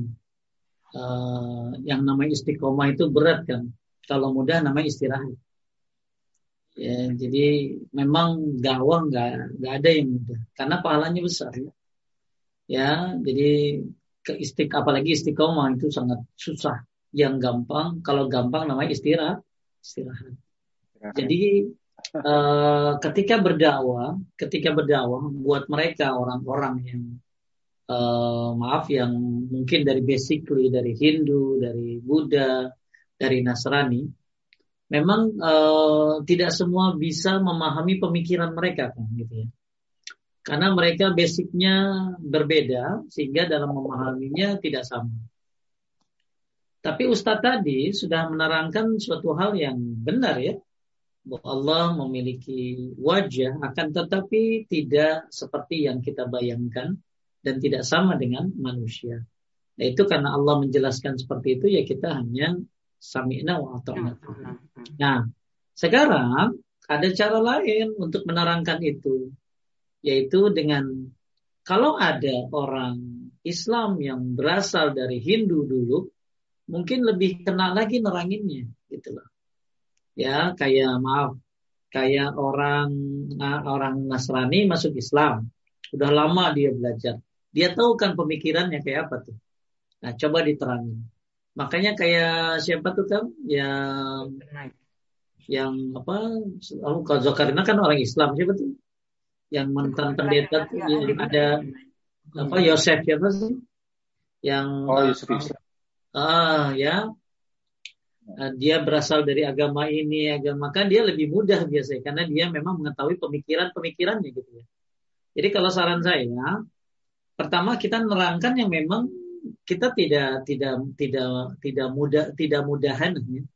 ya supaya nyenengin dia akhirnya kita melakukan kesalahan fatal tapi kita tetap uh, uh, kita mudarah tadi kembali lagi kepada mudarah kita menahan jiwa kita dari emosi karena memang dia belum ngerti ya, belum belum sama pemikirannya seperti kita. Maka tinggal dicari solusinya bagaimana jawabannya agar kena kepada mereka. Tapi intinya kita mau sekena-kenanya nyari jawaban kalau memang dia uh, belum belajar akidah dan tauhid yang benar memang agak sulit. Makanya bagus jawaban terakhir sih. Satu dicarikan dulu orang yang memang ahli dalam uh, pernah dari agama tadi apa Hindu ya? Dari agama Hindu dan sudah lama Islam mungkin bisa lebih kena kepada dia. Ya karena penjelasannya tadi sudah benar jawabannya mungkin dia masih belum memikirkan seperti itu ya belum memikirkan tugas kita ini sebenarnya cuma menyampaikan aja sih menyampaikan kemudian cari cara gimana supaya dia menuntut ilmu itu satu saya ulangi, tugas kita menyampaikan kepada dia. Dan ingat lagi, nggak ada dakwah yang gampang ya. Nggak ada dakwah yang gampang. Semua dakwah butuh perjuangan. Karena pahalanya besar. Karena pahalanya berlimpah, maka perlu susah payah.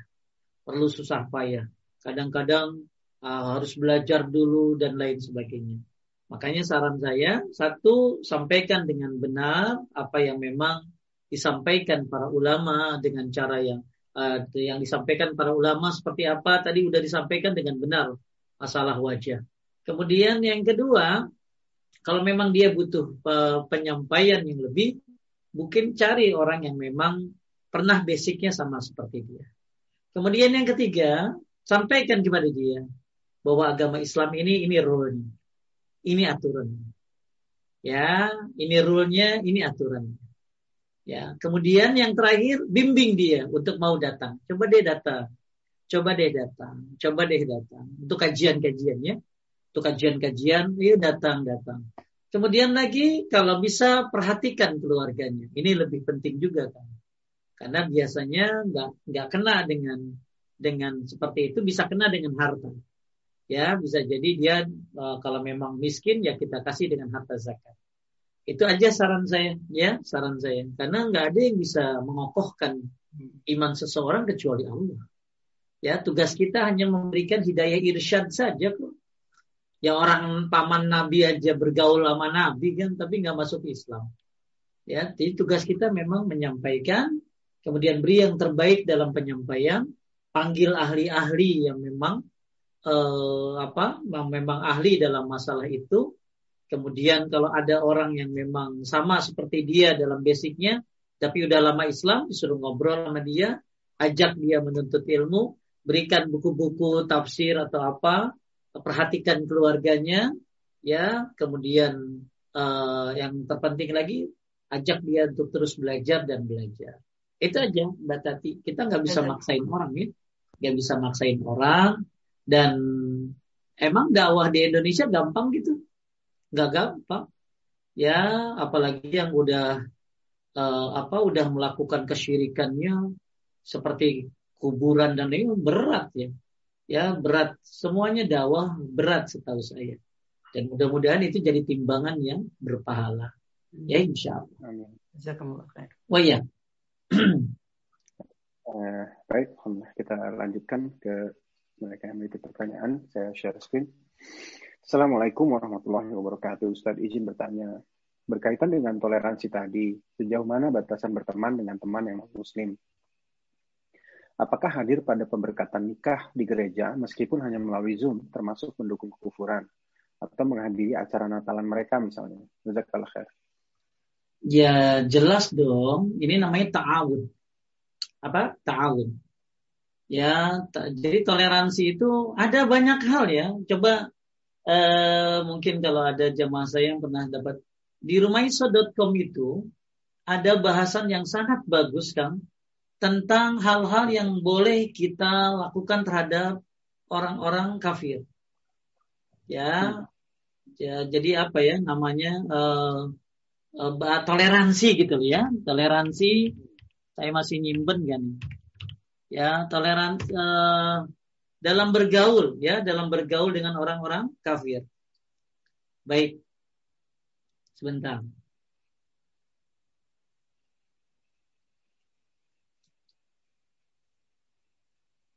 Uh, di sini uh, kalau di sini banyak sekali salah satu pembahasannya adalah tentang masalah uh, tadi apa bagaimana toleransi dalam dalam Islam. Kemudian apa sih apa apa aja yang boleh dilakukan terhadap orang-orang apa tadi? Kafir. Ya, ya. Udah dapat belum Kang? Saya belum dapat nih. Ada ada ini ya. yang yang mana nih? Di sini ada ada yang hukum muslim masuk gereja dan bertamu mengucapkan selamat Natal. Bukan, bukan. Uh, hal-hal yang boleh dilakukan kepada orang non muslim. Ya, apa aja oh, hal-hal yang boleh dilakukan ada, terhadap orang non muslim itu. Nah, itu ada ada kan? Ada ada Ustaz. Bentar, bentar saya share ya di share deh. Bagus di situ banyak sekali ya, banyak sekali. Saya waktu itu bahas tafsir apa ya? Tafsir surat Al-Kafirun kalau nggak salah ya. Tafsir Al-Kafirun. Cuman saya lupa di mana naruhnya. Karena kalau dijawab panjang sekali. Bismillah. Ya, ya, oh ini, Pra. Interaksi dengan orang kafir judulnya kan. Oh gitu. Interaksi dengan orang kafir. Ya, interaksi dengan orang kafir. Baik, saya saya ringkas. Interaksi dengan orang kafir ini dari Oh sorry Kang, ini dari muslim.org. Oh dari muslim. Uh, dari muslim.org. Bagus sekali. Saya bacakan ya, interaksi nanti akan tinggal kasih linknya aja. Jadi apa saja interaksi yang dibolehkan oleh orang kafir? Perkara-perkara yang tidak boleh diboleh yang tidak diperbolehkan dulu. Ya, tidak boleh mengikuti agamanya mencakup semua ritual dan kepercayaan. Termasuk tadi ya kan, nggak boleh itu berarti. Ya, itu hmm. yang nggak boleh nih. Kita lah, jadi di udah dapat kan? Uh, dapat Ustaz. Interaksi dengan orang kafir. Ya, perkara per, uh, interaksi dengan orang kafir. Dari muslim.org.id. Jadi perkara yang tidak perkara-perkara yang tidak diperbolehkan, tidak boleh mengikuti agamanya mencakup semua ritual dan percayaan. Dalilnya banyak, ya. Kemudian tidak boleh membantu nas muslim menghancurkan atau merendahkan Islam. Tidak boleh membantu membantu dia dalam merendahkan Islam. Tidak boleh tasyabu bil kufar meniru kebiasaan yang menjadi ciri khas non muslim. Tidak boleh menghadiri atau merayakan perayaan kaum non muslim. Ya, termasuk pemberkatan kan tadi yang ditanya ya nggak boleh. Walaupun ya. via zoom ya. Kemudian tidak boleh menjadikan teman dekat. Teman dekat akrab kan kalau sekedar ya teman boleh. Tapi kalau teman akrab jangan. Pemimpin dan orang kepercayaan. Ini Al-Maidah 51 tidak boleh seorang muslimah menjadikan laki non muslim sebagai suami. Tidak boleh hmm. pergi ke negeri non muslim tanpa kebutuhan ya tidak boleh memuliakan non-muslim, tidak boleh memakan sembelihan non-muslim selain daripada ahlul kitab, tidak boleh terlebih dahulu memberikan salam, tidak boleh mintakan ampun bagi non-muslim yang sudah meninggal, dan lain sebagainya. Nah itu yang e, perkara yang tidak dibolehkan. Nah sekarang perkara yang dibolehkan boleh bermuamalah atau bergaul dengan cara umum boleh ya bergaul berdagang dengan cara yang boleh berjual beli atau menggunakan produksi buatan non muslim boleh. Boleh berbuat baik dengan secara umum, beri hadiah, beri bantuan, berkata sopan, bersikap ramah, boleh. Boleh menjenguknya ketika sakit, boleh menyambung silaturahim dengan kerabat non muslim, boleh memakan daging yang tadi ya dari ahli kitab, boleh memakai kemudian boleh seorang laki-laki muslim menikahi ahlul kitab dan boleh bersentuhan kulit kecuali terhadap lawan jenis. Nah, ini ada pembahasannya di uh, sudah ada kan? Ada tadi muslim. Sudah ada ya. Tapi ada dua bagian. Ya, silakan di apa di dibaca di situ ya tentang bagaimana berinteraksi dengan non muslim. Nah itu termasuk yang ditanyakan yang nggak boleh tentu ya. Tapi kalau dagang, bisnis, ya berkata-kata baik boleh sama mereka, masalah ya. Nah, lanjut. Mhm. Baik. Nah, tadi berikutnya, Assalamualaikum warahmatullahi wabarakatuh. Bagaimana cara menegur pimpinan yang bukan muslim yang menerapkan peraturan yang masih bisa menerima pasien untuk ambil obat pada jam 18 padahal karyawannya mayoritas muslim dan juga pimpinan suka mengadakan rapat pada saat azan padahal wakil pimpinannya muslim. Ya. Jadi kasih tahu gimana cara ngasih tahunya kan Rashid. Ya. Jadi menegur pemimpin yang mungkin uh, tidak sesu, uh, mungkin lagi azan rapat ya uh, masalahnya dia non muslim lagi ya jadi harusnya uh, wakilnya yang ngasih tahu ya ngasih tahu agar ya tugas kita sih emang ngasih tahu sih tugas kita ngasih tahu uh, dengan cara yang baik ya kalau bisa jangan satu orang yang ngasih tahu kan ada kesepakatan gitu loh kan Ya. Ya, kalau ada kesepakatan kan dia, oh ini bukan satu orang nih banyak gitu loh. Insya Allah ada kemudahan ya, setahu saya ya. Kenapa? Hmm. Karena banyak orang. Tapi kalau satu orang bisa saja dia tidak menggubris. Tapi kalau banyak orang yang me, uh, apa mengasih tahu dia atau ngobrol sebentar Pak Pak Ketua, Pak Pimpinan, kita mau boleh nggak uh, uh, ngobrol gitu ya? Oh ya kenapa gini Pak? Nah, kami seorang Muslim sangat uh, apa istilahnya punya kewajiban dan jangan juga begini kan, jangan sampai kita tidak profesional dalam bekerja.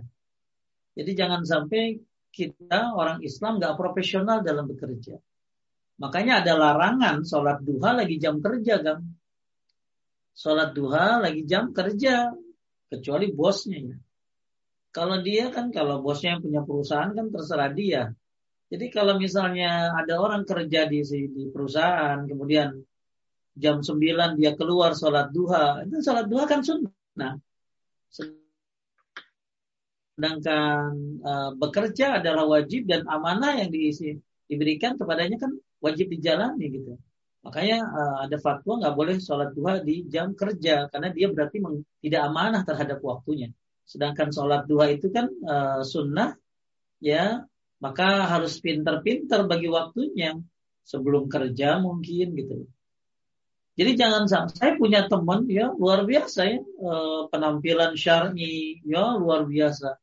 Tapi bisnisnya sama orang-orang bule nyantai-nyantai aja tuh bang sampai orang bule itu demen banget bisnis sama dia. Kenapa? Karena profesionalnya luar biasa itu. Ya, dia nggak orang bule nggak mempermasalahkan janggutnya, nggak mempermasalahkan penampilannya. Kenapa? Kinerjanya bagus gitu. Nah, ini yang harus kita tampilkan bahwa orang-orang Islam ini profesional dalam bekerja.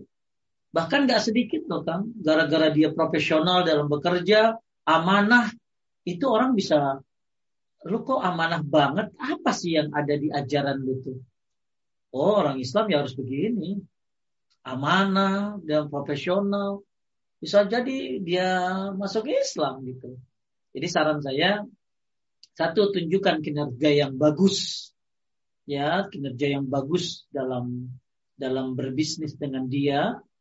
Yang kedua ya coba obrolin bareng-bareng sama semua yang muslim di situ. Obrolin diajak ngobrol. Diajak ngobrol ya sehingga bukan dari satu orang Ajak lagi yang tadi wakil ketuanya tuh yang muslimah. Suruh kasih tahu juga. Insya Allah ya semoga ada jalan. Asal ada kemauan. Dan mudah-mudahan dengan uh, apa profesionalisme tersebut ya dia, dia bisa bisa pengen mengenal Islam gitu ya. Islam ini luar biasa uh, profesionalisme dalam bekerjanya. Karena bekerja itu ibadah di jalan Allah malah. Bahkan bekerja ini bisa menjadikan hartanya untuk mendekatkan diri kepada Allah. untuk haji, untuk umroh dan lain-lain. Lanjut. Hmm, baik, Ustaz. Uh, saya share lagi screen. Baik. Uh, Ustaz, kakak ipar, kakak ipar saya maksudnya kakak iparnya yang penanya non muslim. Kalau lebaran ngucapin Idul Fitri, kalau ultah ngucapin selamat ultah. Sementara saya nggak pernah ngucapin Natal, tahun baru maupun ultah. Kadang sungkan Ustaz. Gimana ya Ustaz? Anda harus ngasih hadiah sering. Ini kagak, jadi harus nutupin sesuatu yang dia nggak lakukan gitu loh Kang. Contoh, dia nggak ngucapin ngucapin ini kan memang nggak boleh. Tapi ngasih hadiah boleh nggak kang? Ngasih boleh. hadiah boleh dong. Jadi jangan begini loh. Aduh saya sungkan ya gimana lah. Lah, uh, kenapa anda tidak melakukan hal yang lain yang membuat dia bahagia gitu loh? Contoh misalnya, eh jalan-jalan yuk, traktir ya. Siapa yang kagak senang geretongan? Ya, eh ini hadiah nih ya. Jadi kalau anda tidak mengucapkan A, B, C, D yang anda bilang tadi nggak mengucapkan ultahnya nggak mengucapkan uh, hari rayanya nggak emang nggak boleh gitu loh. Terus anda merasa sungkan padahal itu yang melarang adalah Allah jangan ya anda berarti aduh nggak enak gue ya dan sedangkan uh, di uh, satu sisi dia ngucapin Idul Fitri, ngucapin dan lain sebagainya. Maka coba cari cara supaya uh, Anda jadi yang pertama, yang pertama Anda harus tahu bahwa ini adalah memang aturannya, syariatnya seperti itu. Kita jangan sampai mendahagiakan orang lain tapi mengorbankan agama. Apa tadi namanya? Mudahana ya mengorbankan agama demi perasaan orang. Nggak boleh itu. Tapi saya senang kalau anda melakukan hal-hal kebaikan kepada kakak anda tadi. Kenapa? Orang Nabi aja jenguk orang Yahudi loh kan ya kan hmm. tadi udah dibahas hal yang dibolehkan buat orang dan Muslim adalah menjenguknya ya uh, berbuat kebaikan kepada dia anda bisa kasih hadiah ya anda bisa bisa memperbuat baik apa yang bisa Anda lakukan. Berkata-kata sopan, ajak jalan-jalan, ah banyak lah. Jadi jangan sampai ingat ya tadi yang kita bahas itu bahwa bukan berarti kita berlepas diri dari kesyirikan mereka, berlepas diri dari kekafiran mereka. Bukan berarti ini kita tidak berbuat apa-apa ya, jangan ya. Jangan, jangan seperti itu. Banyak hal yang baik yang bisa kita lakukan buat mereka. Hadiah ini ya suatu hal yang indah loh hadiah itu. Anda memberikan hadiah karena apa? Berharap dia dapat hidayah. Anda memberikan hadiah dengan tujuan agar semoga ya uh, silaturahimnya tetap berlanjut, bukan hanya berlanjut sebagai seorang saudara, ya, akan tetapi juga sebagai seorang saudara sekandung, tapi saudara sesama muslim. Gak sedikit loh gara-gara hadiah ini akan saling mencintai. Akan ngucapin nama saya, misalnya apa Kang? Ya misalnya ya, uh, ada bahkan hadiah itu lebih berkenan kan daripada ngucapin. Ya, uh, apa ya? Ngucapin apa misalnya? Ya apa yang ngucap apa? Misalnya ada orang Selamat Idul Fitri ya. Ngomong doang, kagak ngasih kupat, kagak ngasih opor. Kayaknya kurang sempurna tuh. Coba deh kan. Gak, hadiah mah gak pakai kata-kata. Ya, hadiah mah gak pakai kata-kata. Saya gak usah ngucapin apa-apa. Tahu-tahu datang ke Kang Rosid. Tak. Wah, Wah apa?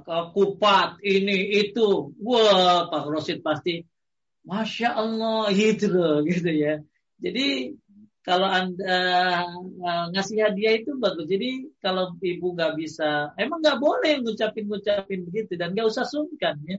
Karena memang Allah dan Rasulnya lebih diutamakan dari seluruh manusia. Jangan sampai gara-gara hal itu Allah dan Rasulnya ditinggalkan. Anda mengorbankan agama demi kata-kata yang sepele seperti itu Makanya gimana cara uh, supaya dia tetap senang sama kita, berprasangka baik sama kita, kasih hadiah. Bahkan kalau Anda cuma ngomong, mati Idul Fitri ya, tapi nggak ngasih baju, ngasih apa kayaknya basi sekarang gitu ya. Ya bagusnya Anda ngom Anda berbuat baik sama dia dan juga memberi hadiah.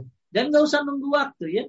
Gak usah nunggu waktu. Kapan pun Anda punya kelebihan, bahagiakan dia. Dan niatkan. Semoga ini jadi hidayah buat dia. Ya, insya Allah. Lanjut. Uh, baik, kita lanjut ke nanya berikutnya. Bismillah, Pak Ustadz. Bagaimana dengan masjid yang menerima sumbangan dari non-muslim untuk pembangunan masjid? Boleh atau enggak? Terus kalau nggak boleh, bagaimana dengan masjid-masjid yang sudah berdiri dengan sebagian dana dari non-muslim? Gak apa-apa, asal tanpa syarat kan. Ya. Gak apa-apa ya, terima dana dari mereka asal tanpa syarat. Kayak NTT sekarang lagi kena musibah kan kan? Betul. NTT kan, boleh kita nyumbang Pak Ustadz? Ya boleh, buat kemanusiaan kan. Buat apa sih? Buat makan mereka ya, nggak apa-apa ya. Mudah-mudahan dapat hidayah mereka. Ya, dan mereka tahu bahwa orang Islam ini baik-baik gitu loh. Apalagi lagi kasus pemboman begini kan. Banyak orang yang iya. akhirnya suzon ya. Kita kita bantu mereka. Jadi ada zaman ya boleh nggak apa-apa. Tapi kalau buat bangun gereja ya enggak lah gitu loh. Ya. Hmm. Jadi e, kalau ada masjid dibangun dengan dana dari muslim boleh tapi non syarat. Nggak ada syaratnya. Ya, Nih syaratnya pilih saya. Saya kasih karpet ya. 10 soft. Tapi pilih saya. Eh nggak begitu kepilih dia datang lagi minta karpetnya kan. Ya. Ya ambil lagi. habis, habis. Ya, baik ada pak, ada banyak ustad ini.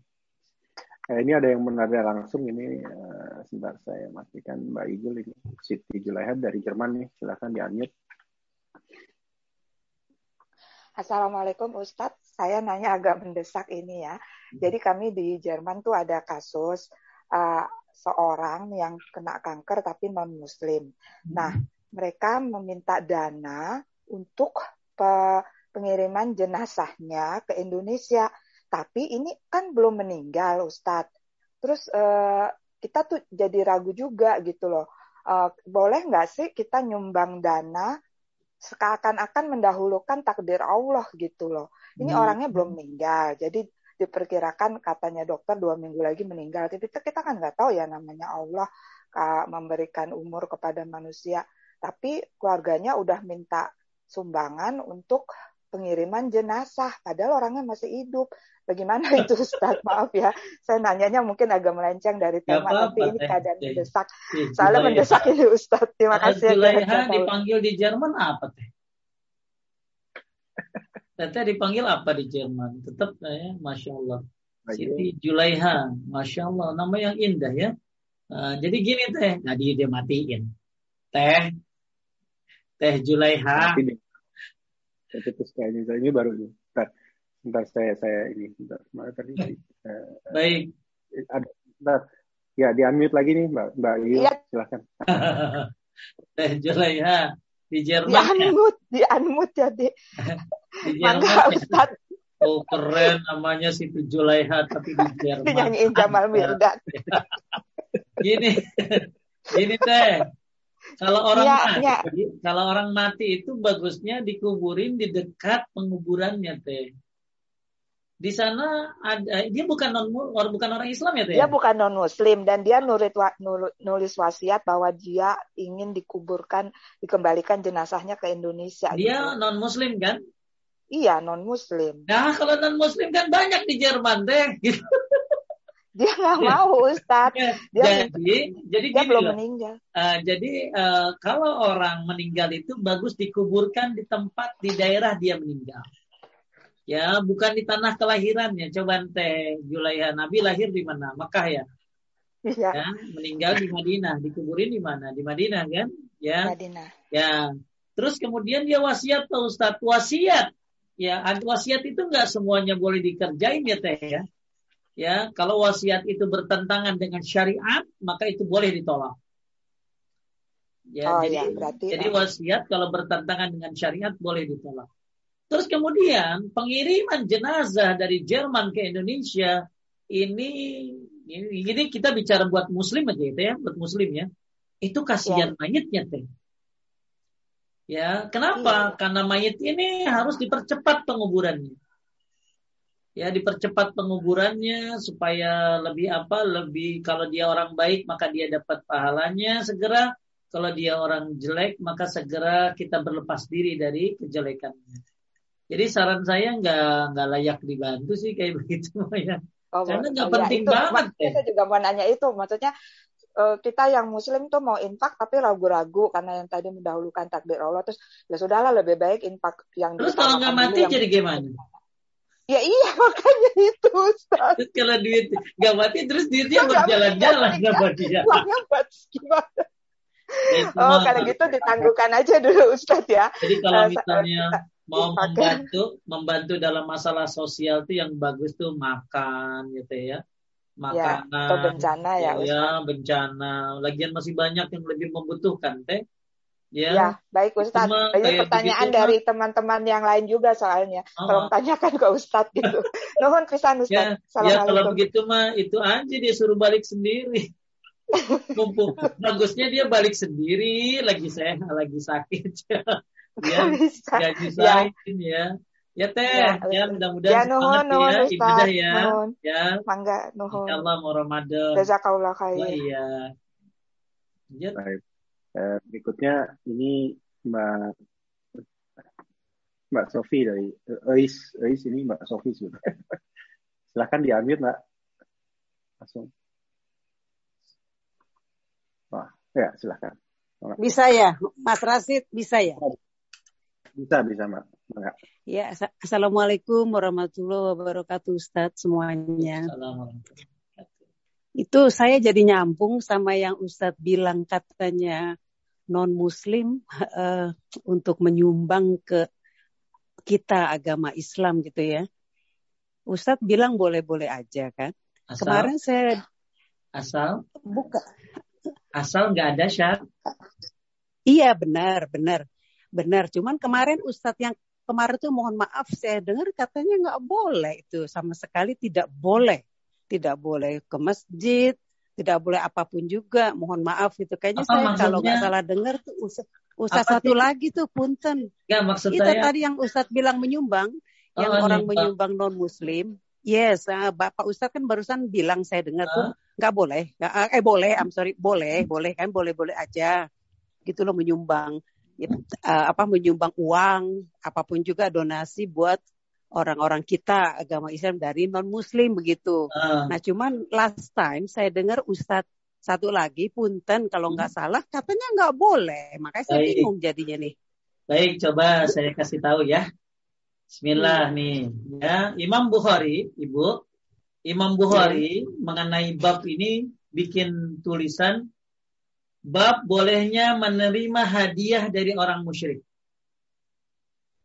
Jadi Imam Bukhari ahli hadis ya, bikin yeah. bab tentang uh, kabul hadiah minal musyrikin.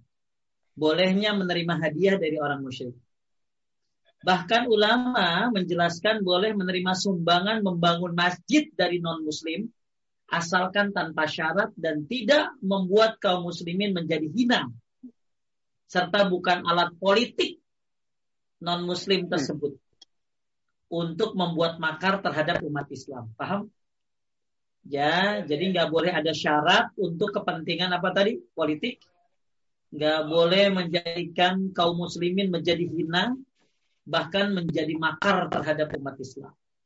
Ibnu Muflih menjelaskan bahwa masjid boleh dibangun dari harta orang kafir watajuzu imaratu kulli masjidin dan boleh membangun masjid kemudian wa kiswatuhu memberikan kiswah kemudian wa is'aluhu bimali kulli kafir dengan penerang dan penerangan dari harta orang kafir kata Ibnu Muflih.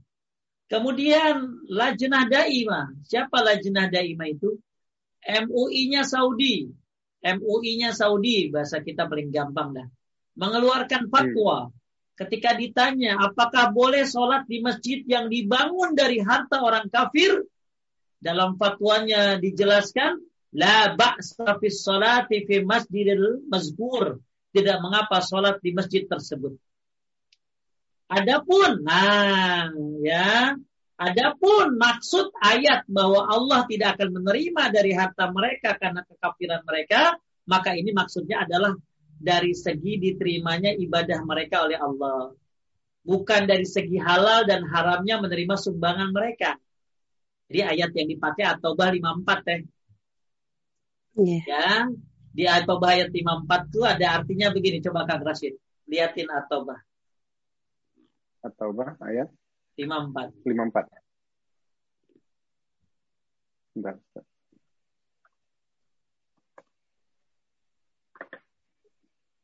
Itu surat nomor berapa ya? Surat 9. Surat 9 ya. Hmm.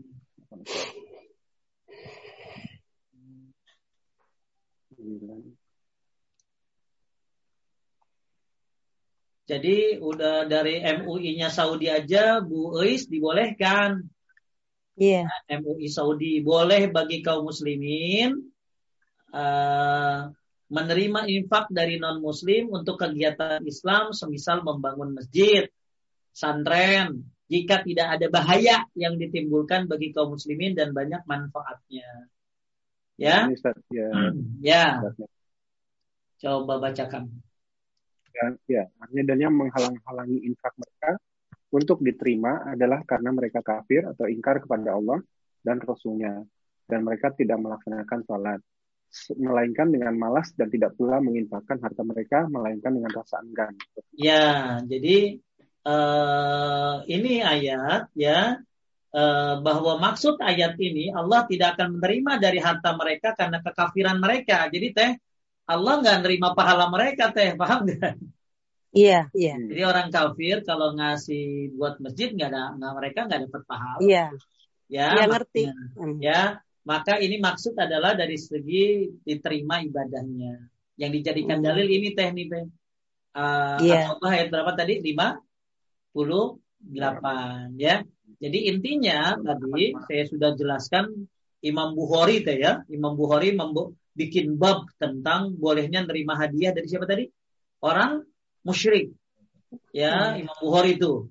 Kemudian tadi Ibnu Muflih juga. Bahkan MUI apa tadi? Saudi ya teh. MUI iya. Saudi membolehkan.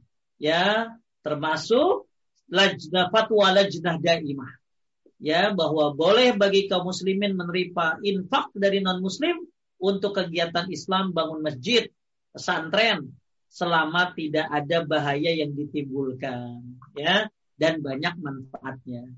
Kemudian dipastikan bahwa harta orang tersebut kafir tersebut adalah bukan harta yang haram, haram teh. Jadi hartanya juga bukan harta yang dikasih ke kita, bukan harta yang haram, hasil korupsi misalnya teh. Jangan. Jika jelas informasinya bahwa harta itu adalah haram, maka nggak boleh nerima teh ya. Misalnya teteh dapat bocoran itu duit korupsi loh. Korupsi itu sambal dunia apalah ya dunia pokoknya itu korupsi ini loh. Nah itu kita nggak boleh ya. Jadi kembali lagi bahkan dalam fatwa sabakah Islamiyah disebutkan tidak ada masalah meminta sumbangan dari orang kafir dalam bentuk harta kemudian digunakan untuk membangun masjid sebagaimana juga dibolehkan menerima pembiaran orang kafir tanpa melalui permintaan. Jadi banyak teh yang bolehin ya teh. Ya, banyak yang bolehinnya. Jadi maksud atau bahayat berapa tadi kan? 54. Uh, atau bahayat berapa tadi teh? Atau bahayat ayat 54 tadi teh maksudnya orang kafir nggak dapat paha pahala. Iya. Nah, ya teh ya, Iya. Ya. Iya. Soalnya Pak Ustadz, soalnya ya. saya dari Punten. Pokoknya saya dari udah lama sekali ya, udah bertahun-tahun saya menerima dari teman ya yang non muslim ya, dari teman anak-anak tuh sampai sekarang saya terima buat orang sakit. Nih contohnya hanya untuk orang sakit, benar-benar dia membutuhkan. Terus uh, wah banyak deh pokoknya deh terus lebaran, sekarang dia nyumbang-nyumbang itu saya selalu terima dari teman karena saya saya pikir orang nyumbang ya gitu. Lillahi ta'ala urusan Allah ya, itu udah haram halalnya. Yang penting saya dikasih ya saya serahkan lagi sama orang-orang di Indonesia yang membutuhkan gitu loh. Eh, yang penting nggak ada apa teh? Nggak ada syarat. Ya, nggak membahayakan kaum muslimin, nggak jadi alat politik. Ya. ya, terus pastikan lagi hartanya memang halal gitu teh. Iya. Kalau Satu lagi punten Ustadz sebelum tutup. Nah, itu kan nah saya juga punya temen nih uh, yang menyangkut uang juga ya kan. Nah, saya nggak tahu uang itu korupsi sama enggak, apa tidak saya tidak tahu. Benar-benar di di di mata saya tuh saya lihat itu gitu kan dikasih tahu sama dia uangnya banyak kan. Saya bilang masya Allah, saya bilang di sepeti gitu kan. Nah terus saya bilang uang dari mana? Uang kerja gue kata. Iya astagfirullahaladzim. Saya bilang kenapa nggak di bank? Saya gituin tuh Ustadz. Enggak hmm. ah dia bilang begitu. Saya bilang sama dia keluarin dong dua setengah persen. Saya bilang anak yatim bla bla bla ya. Tapi sih alhamdulillah tuh Ustadz setiap saya kasih tahu tuh pokoknya dia ngeluarin oh, dan yang nggak pernah pengajian kasih paduka buat dakwah gitu loh. Enggak itu itu punten itu mah di Indonesia punten banget ya. Nah terus Iya Ustadz punten, nah itu saya nggak tahu tuh uang dari mana, masya Allah saya nggak tahu ya Ustadznya apa korupsi, tapi sih yes. kalau saya kan sebagai teman menyarankan dua setengah persen keluarin, terus kasih banyak lah Ustadz untuk anak yatim belah, tapi dia keluarkan, tapi lillahi ta'ala lagi kembali Ustadz bingung tuh Ustadz dari mana ya peti-petian yeah. gitu. Gak tahu dari mana. Ya selama yes. Bu Is nggak tahu beritanya ya terima. Oh itu nggak apa-apa ya Kak, itu ya nggak ya, apa-apa kan, ya beritanya. Ya. Tapi kalau oh, nanti suatu saat ada berita ternyata itu uang dari mana gitu ya, yang haram ya, maka teis iya, nggak iya. boleh terima, gitu ya teh. Oke, ya, kan, sama ini kan nggak tahu ya, kalau nggak tahu ya udah ya. Iya, aja iya. juga kan gak akan jawab sama dia. Ini duit tuh dari mana? Sebenarnya kalau teman mah enak teh nanya teh. Ini duit tuh dari mana? Nggak enak saya. Ah, eh, Nanyanya jangan begitu, nanyanya pakai cara tuh. Nanya langsung, eh duit itu dari mana sih banyak banget, jangan. Bro, gimana sih biar sukses kayak begini? Gitu loh. Oh ya, begini, Teis. Kalau pengen gitu, sukses kayak saya, ngepet. Wah, berarti iya. jin, Eta. Iya ya, enggak kadang-kadang saya bingung loh Ustaz ya, astagfirullahaladzim ya. Uang yeah. banyak begitu ya Pak Ustaz ya. ya. Di yang dia nanya gitu ya. sambil ngobrol. Itu gimana sih biar sukses kayak lu tuh? Lu tuh udah dermawan, ganteng, soleh. Ya Masya Allah, kayaknya enggak, oh itu bahasa jawab gitu. ya. Tapi dia mengeluarkan yang saya iya. suruh Pak Ustadz. Iya, Alhamdulillah iya, kasih gitu. tahu, kasih tahu. Iya. Dah. Ya. Iya. Oke, okay, Pak Ustadz, uh, mohon maaf lahir batin mau puasa hari Selasa biar sehat ya. Ustadz ya. Enggak, enggak punya dosa sama saya. Khairan, Amin, amin. Assalamualaikum warahmatullahi wabarakatuh. Oh, apa Ustaz? Tadi tadi eh, hadis Bukhari nomor berapa Ustaz? Bukan bab Bukhari ya, dia bikin bab, bab. ya. Ya, ah, ini oh, ada saya uh, uh, di uh, dia bikin bab tentang bolehnya menerima hadiah hadiah dari orang musyrik, ya. Ya intinya ada di bab itu ya, ada bab uh, di bab Bukhari itu kan ada bab ya, ada bab-bab. Nah, di antaranya ada bab terima apa tadi? Hadiah dari orang musyrik. Nah, di situ dilihat aja hadisnya banyak. Baik. Baik, kita lanjutkan. Ini Ustaz yang tanya berikutnya. Uh, Ustaz, sekarang kok ramai viral orang muslim mengucapkan Paskah. Nah, ini bahkan ada yang pakai gambar salib. Itu kan ibadah mereka. Apakah ada yang sengaja memviralkan padahal dulu nggak begitu? Biasanya Natal aja yang ramai. Ini gimana kita menyikapinya? Ustaz? Ya, kita mau menyikapinya tadi berlepas diri dari mereka. Ya, yang hmm. sebagaimana kita bahas ya. Kita nggak boleh melakukan itu.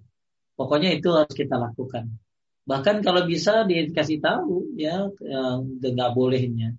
Kalau nggak mau kasih di tag aja teh di tag kan ada sekarang ya kan tinggal di tag aja uh, ke situs-situs yang bagus. Ya misalnya gini. Uh, teteh baca hal-hal yang melarang tentang mengucapkan ini mengucapkan ini dari situs misalnya dari rumaisa.com ya ya di Instagramnya misalnya Tete tinggal tag aja tuh orangnya. Ya. Jadi biasanya mungkin ya nggak tahu ya. Sekarang kan gampang apa-apa gampang viral ya kan ya. Ya, gampang viral hmm. sekarang. Yang viral tuh yang aneh-aneh kadang. Kalau yang benar-benar susah viral kan? ya, kalau iya, yang benar-benar susah viral ya. Kalau yang aneh-aneh viral, apalagi orang TikTokan joget viral gitu. Ya, ah, ya, ya jadi asal ada asal kurang tenar dikit joget aja di TikTok tuh si Ustadz. Bo langsung viral. ya, astagfirullah. Ya, ya naudzubillah. Ya kita bukan bukan pengen viral ya. Ya kita pengen menyampaikan. Kalau pengen viral mah aduh nah ya uh, takut fitnahnya banyak. Jadi ibu kalau ada hal-hal seperti itu ya kita harus ingkari ya. Kita harus ingkari dan kalau memang tapi kan memang ada ya orang-orang yang bermain di dunia seperti itu kan jadi memang sengaja diviralkan ya sengaja diviralkan Sampai kemarin berapa hari saya dikasih tahu kalau Anda sekarang maka asal misalnya kayak kemarin tuh ya. Ada orang uh, apa memviralkan sesuatu yang yang bersifat ya ini langsung di blog gitu kan. Uh, tayangan ini di apa namanya sih? Tinggal melanggar apa gitu loh. Ya. Oh, okay. Ya di Instagram kan suka ada gitu ya Kang ya. Ya, nah, suka ya. ada ini di di apa namanya tuh ya di ya di ya di pokoknya di di di dapat peringatan gitu lah ya ya biar itulah hmm. ya ada orang-orang yang mungkin bermain di situ makanya kita pergunakan medsos dengan sebaik-baiknya buat dakwah gitu loh kita memviralkan dakwah di dunia maya ini tujuannya supaya jangan sampai makanya kata Syalus ya orang-orang sesat itu semangat loh kan dakwah kan ya orang-orang sekuler bersemangat berdakwah dengan sekulernya.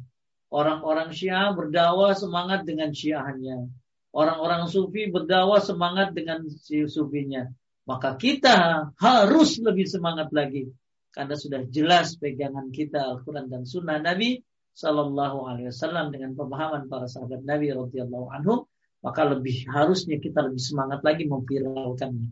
Ya makanya kayak yang bersifat-sifat uh, sunnah tuh viralin, viralin gitu loh. Ya, nggak tahu kapan hidayah datang. Ya, yang penting biar sosmed tuh penuh dengan dengan dengan dengan agama, dengan tauhid ya, dengan sunnah. Insya Allah udah banyak sih ya. Cuman mungkin masih kurang banyak.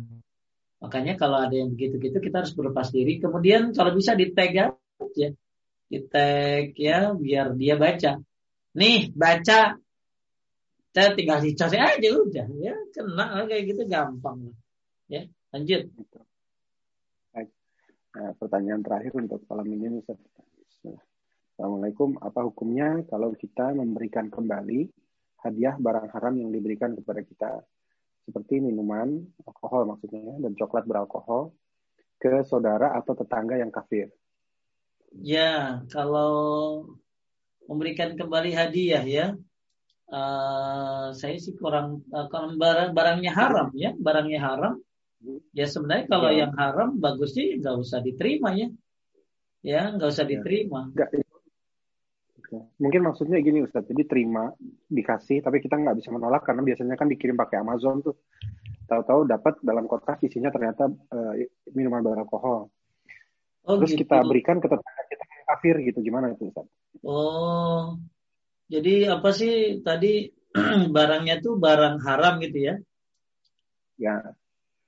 Terus dia Jadi, bagi... tapi terus kita katakan ke orang tetangga yang kafir gitu misalnya kan uh, mereka minum kalau kita kan enggak gimana tuh? Baik, baik uh, paling uh, ada jawaban dari dari Syekh bin Salih ini paling yang mungkin bisa dikiaskan gitu ya tentang orang yang mengambil hadiah dari orang yang bermuamalah dengan riba paling kan adanya. Ya. Jadi kata beliau uh, apa ketika ditanya apakah boleh mengambil hadiah dari seorang yang bermuamalah dengan riba, maka uh, kata Syekh bin Shalih Utsaimin ya uh, Nabi SAW menerima hadiah mereka ya pernah menerima hadiah dari seorang wanita Yahudi. Nabi pernah menerima hadiah dari seorang wanita Yahudi berupa kambing ya kan, kambing di Khaybar gitu ya. Dia menerima hadiah dari mereka boleh. Akan tetapi sekarang pertanyaannya, itu hadiahnya bukan bukan yang halal kan ya, bukan yang halal tapi haram ya. Maka kalau yang halal boleh diterima tapi kalau yang haram tidak boleh diterima ya. Wallahu alam. Jadi kalau ada hadiah dari orang yang uh, apa orang kafir kembali lagi boleh diterima kalau itu halal ya kan ya. Tapi kalau haram gimana Pak Ustadz? Udah ada di depan rumah lagi ya. Lebih baik ya Anda hancurkan jangan kasih lagi yang orang kafir gitu Berarti ya. kalau Anda kasih ke orang kafir, Anda membantu kemaksiatan mereka kan? Misalnya dapat apa nih Kang? Yang namanya mubazir itu kan, yang namanya mubazir itu bukan itu gitu loh. Kalau yang haram nggak dibuang itu bukan mubazir. Jadi jangan begini, ini kan coklat Pak Ustadz makanan, tapi ada ada apa?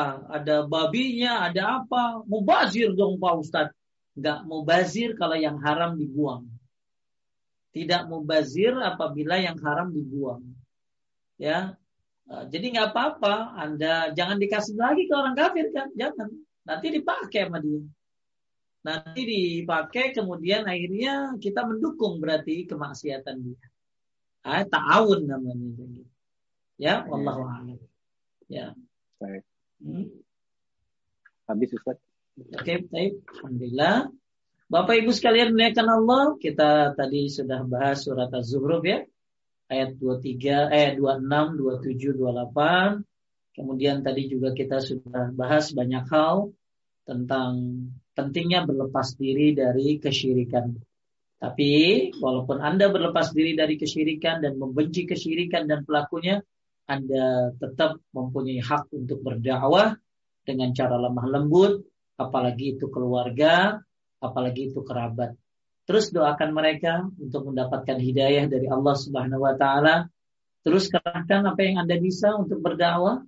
Ya, terus semangat dalam mendakwahkan. Ingat, orang-orang aliran-aliran sesat berlomba-lomba berdakwah dengan semangat. Maka kita tentunya harus lebih semangat lagi. Dan mudah-mudahan kita tetap bisa menjaga uh, prinsip berlepas diri tersebut dari kemusyrikan, tapi tetap berdakwah, berlemah lembut, dan kemudian apalagi itu saudara yang punya hak untuk kita jalin silaturahimnya. Tapi hati-hati, jangan sampai mengorbankan agama demi dunia dan perasaan mereka. Tapi kita mengorbankan perasaan kita demi tegaknya agama, demi sampainya dakwah, maka itu suatu hal yang sangat mulia. Semoga kita dimudahkan untuk terus istiqomah di atas tauhid dan sunnah. Ingat, Istiqomah di atas dakwah itu berat, sulit. Kalau mudah bukan istiqomah namanya, tapi istirahat, istirahat. Itu saja ya kan? Mudah-mudahan dimudahkan semuanya. Kita tutup dengan doa kifaratul majlis. Subhanaka. Allahumma wa bihamdika. Asyhadu an la ilaha illa anta astaghfiruka wa atubu Assalamualaikum warahmatullahi wabarakatuh. Waalaikumsalam warahmatullahi wabarakatuh. Alhamdulillah, alamin. Jazakallah khair Ustaz. Atas waktu dan ilmunya, insya Allah kita bertemu kembali di pekan depan. Semoga kajian kali ini bermanfaat. Eh, mohon maaf jika ada kesalahan, kata maupun sikap. Barakallahu fikum. Wabillahi taufiq wa hidayah. Assalamualaikum warahmatullahi wabarakatuh. Waalaikumsalam warahmatullahi